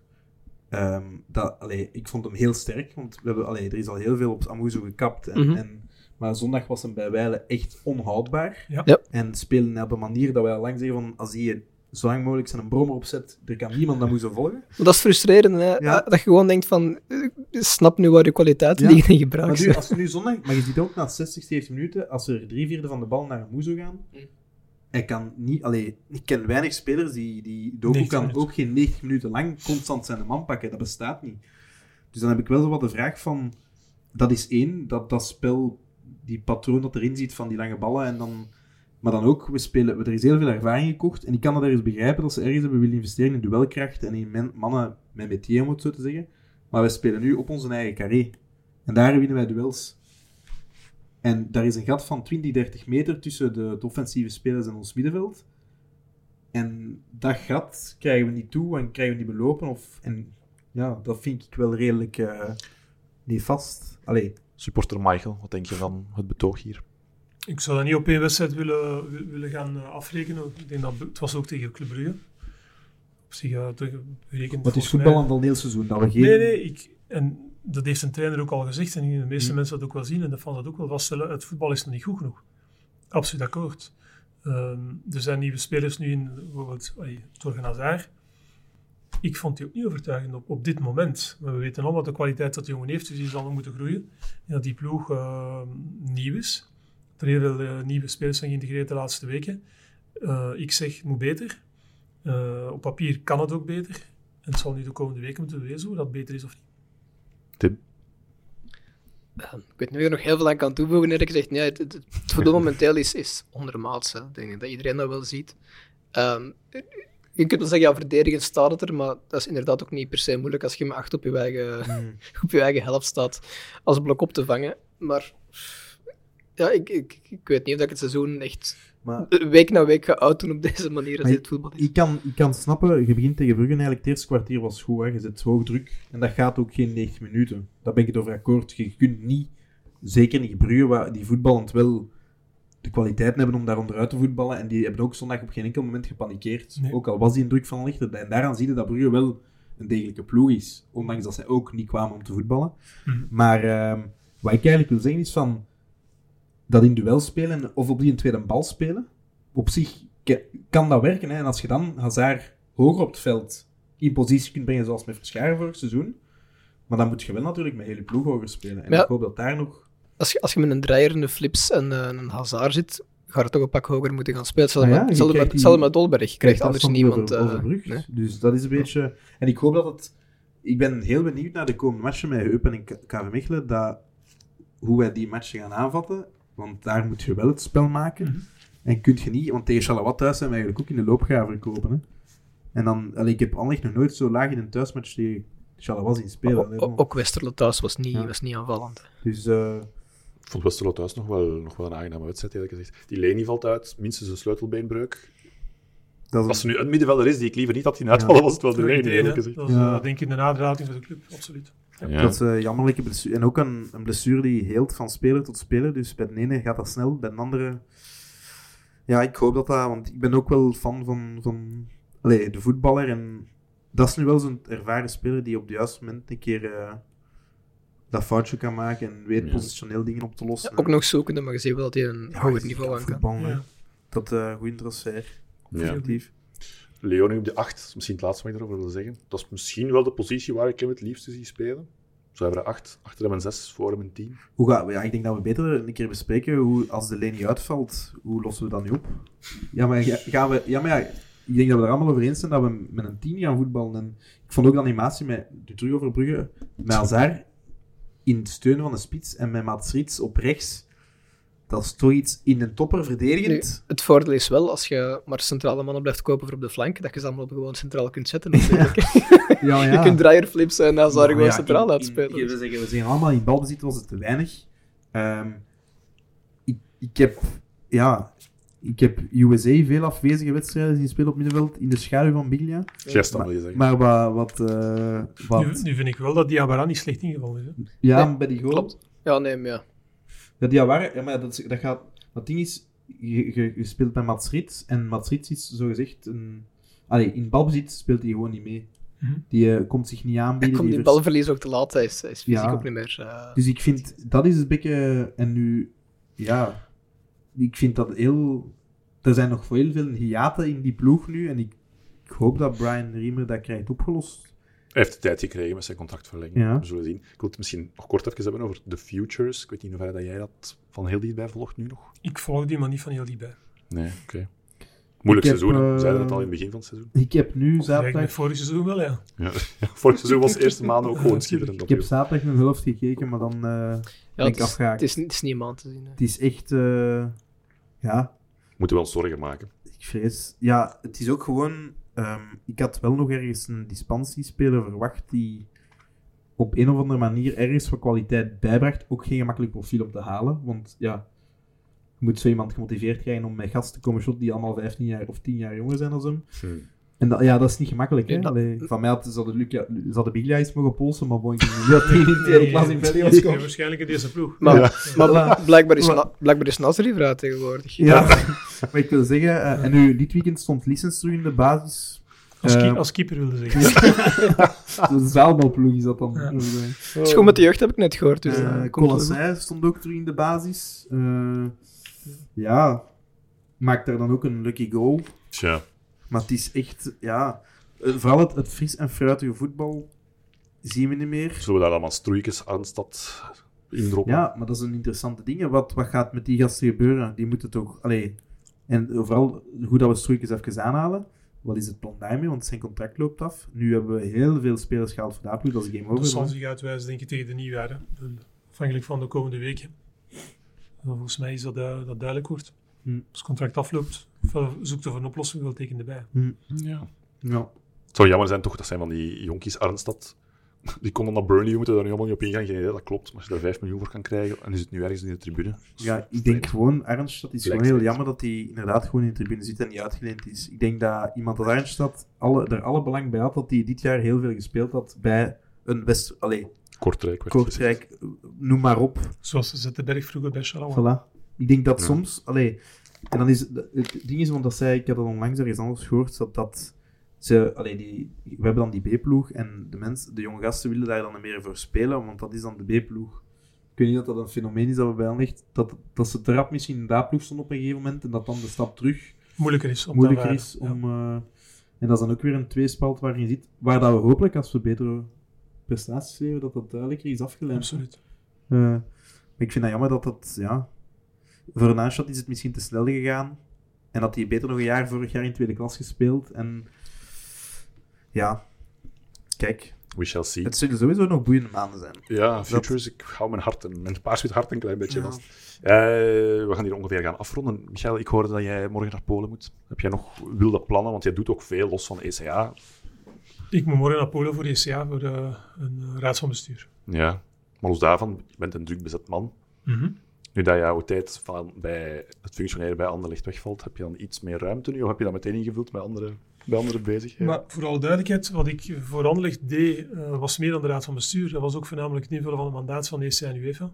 Dus in C verandert dat niet veel aan de tijdsbesteding die, ik, eh, die ik voor het voetbal reserveer. Oké. Dus Fair alleen eh, iets minder paars, en meer eh, allerlei kleurtjes. Ja, ja, ja. Hoopt dat ik je, moet gaan behartigen. hoopt je ooit nog terug te komen in welke vorm bij ligt? Of is dat iets dat je... Is, dat, of is daar een persoonlijke... Allee, persoonlijke... Want dat is ook een vraag die we veel hebben gehad. Maar het is vooral duidelijkheid mijn beslissing geweest. Hè? Dus, Ja. eh, en ik verlaat die club niet met een slecht gevoel. En ik Nee, ben nee. niet degene die wegloopt en eh, eh, de zaken laat, laat, laat belopen. Ik denk dat de club objectief Mhm. gezien vandaag genoeg instrumenten heeft en genoeg drive heeft om, om er bovenop te komen. En wat mezelf betreft eh, wil ik de komende vier jaar, voornamelijk binnen de context van ECA en UEFA, mijn, mijn energie leveren. En wat daarna gebeurt, we never know. Ja. We gaan jou... Ik had nog wel een vraag. Ja, sorry. Ik, ik had dat er juist aan gedacht. En, en eigenlijk hebben we die niet gesteld als we rond Company bezig waren. Oef, we gaan terug in de tijd. Ja, maar ik vind het wel een belangrijke, want het is ook een luister, luisteraarsvraag. Dus daarom heb ik die wel op. En ik heb ze een paar keer zien terugkomen. Ehm, hoe, ehm, hoe heb jij het afscheid van Vincent ervaren? En je mocht van apart zeggen, als, als, als- ja, ik weet misschien als bestuurder zal dat moeilijker zijn om daar iets over te Maar het zeggen. bestuur, eh, de raad van bestuur heeft daar niks op te zeggen. Ja. hè. We- wij beslissen bepaalde parameters van budget en eh management eh, vult die in. Ik vond dat persoonlijk spijtig, omdat ik eh één, Vincent gaan halen ben. Twee, Vincent die werken heb. En ik vond persoonlijk dat er een zekere vooruitgang was geboekt in, in eh, de maturiteit van het team. De resultaten Mhm. waren ook beter en beter. Ehm, voilà, maar nogmaals, het is niet omdat je met iets niet akkoord bent dat je uh, daar kritiek moet opuiten. Ehm, het had meer last met wie hem vervangen heeft, denk ik.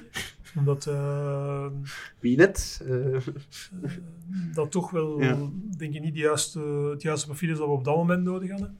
En dat was eh, meer zo de reflex van dat is een winnerstrainer. Ja, we gaan ja. die pakken, want daarmee gaan we winnen. Heeft Dignon tot stunt geleid, maar dat ik niet op die manier gedaan. Maar nogmaals, alle respect voor degene die toch de beslissing heeft durven nemen. Ja. Oké. Again, we gaan hier een poging doen tot hier ongeveer gaan afronden. Hoe is dat voor jou meegevallen? Voor ons is dit een soort... We zien ons soms een beetje als een klankbord voor de gemiddelde supporter. Er zijn veel vragen. Het is niet altijd makkelijk geweest, denk ik, voor jou om daar een antwoord op te geven. Je bent getraind in media, dat valt wel op, maar... Hoe heb je dit meegemaakt of ervaren? Eh, ik denk dat het een leuk interview was. Eh, ik, ik ben een beetje voorzichtig geweest en op de achtergrond gebleven op bepaalde vlakken. Zeer Omdat, logisch. eh, ja, weet je, ik, ik, ik ben vriend van de club. Ik ben ook vriend van de mensen die daar nog altijd actief zijn. Ik heb geen goesting om eh, met modder te gooien. Ja. Want dan zou Mhm. een indruk creëren van Michael is niet weggegaan, maar Michael is weggeduwd en eh wou niet Mhm. weg. En dus dat is niet het geval. Hm. En eh, ik Dat blijf je in hart en nieren paars. En wat de toekomst brengt, dat zullen we nog wel zien. Dat zagen, dat zagen we bij David ook eigenlijk. Hè? Dat Zeker. hij heel, allee, met heel veel respect nog altijd over anderen praat. En ik denk, allee, een echte clubman is dat gewoon zo, punt. Ja. En zo zie ik u wel. Dus dat, eh, Zeker en vast. En veel supporters, dat, valt, eh, dat viel heel hard op wel, eh, wel de input die we gekregen hebben. Misschien nog een, een kleine oproep doen voor het Ja. shirt van Company. Eerst en vooral moeten, denk ik, al onze luisteraars en volgers bedanken om deel te nemen aan de wedstrijd met Club Brugge. We hebben daar Zeker. twee tickets weggegeven. Heel veel reacties. Heel veel reactie, heel fijn om dat te zien. Ook heel veel privéberichten gehad eh, over op de Instagram en toestanden. Dat was kei tof. Maar we hadden ook gezegd van dat we nog wel wat dingen in petto hebben. Hè? Dat er nog wel wat dingen zitten aan te komen. En het eerste is natuurlijk dat shirt, gehandtekend door Vincent Company. Ik denk dat we nog een, kijk naar Steven, nog een 200-tal volgers nodig hebben op, eh, op YouTube. Dus iedereen zegt tegen je mama, papa, opa, Volg, eh, eh, supporters, volg ons op eh, YouTube. Eh, zet daar ergens onder de post, ja, voilà, like en subscribe. Ehm, en zet ergens op de post, ik ga hem op Instagram nog eens delen op het verhaal deze week. Post daar iets ludiek onder. ehm, een, of Laat misschien- ons weten dat je dat Voilà. shirt wilt winnen. Tuurlijk, zet Voilà. daar een, een... Het is een serieuze database wat iedereen wil Memoir. hebben, dat snappen we ook wel. Maar En dan loten wij iemand uit. hè. Kijk. Zeer Voilà. schoon. Wou je nog iets meegeven? Kenson, dank- bed- bedankt aan eh Moof en aan Joma. Zeker. Eh, Joma ook weer daarom voor de tickets Mm. voor Club Brugge. Ik denk dat we daar twee fans heel blij mee gemaakt hebben. En blijf volgen. Volg ons op Patreon. Steun ons via Patreon. En dan kan je eigenlijk sowieso één keer gratis per jaar naar het voetbal, minstens. Hmm.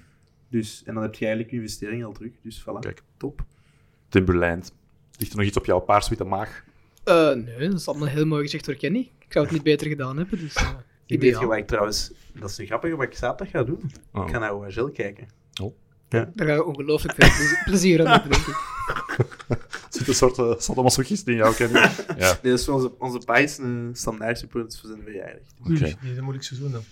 Die heeft er al een paar moeilijke jaren, die Ja, het mensen. zal, vol- het zal volgend jaar tegen de Futures misschien een pak leuker zijn. in tweede klas is het ook plezant. Ja. Michael, dankjewel. Is er nog een uitsmijter van jou uit naar de fans? Jouw podium is nu hier. Hoeft niet, Eh. als je denkt, ik wil nog iets meegeven. Wat ik kan zeggen is dat ik eh, naar de voetbal blijf komen, dus jullie zullen me nog heel regelmatig zien. Eh, misschien Mogen ze jou in de aanspreken media. voor een selfie? Kan dat?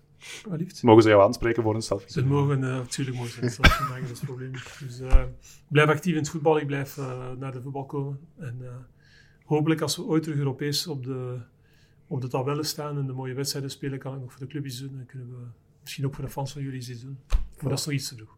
Yes. Oké. Andermaal Fijn. bedankt. Ook een zeer leuke locatie, moet ik hier zeggen. Ja. Eh, we zijn een beetje met open mond hier binnengestapt, daar straks. Andermaal bedankt. Graag gedaan. Wij zijn er binnenkort.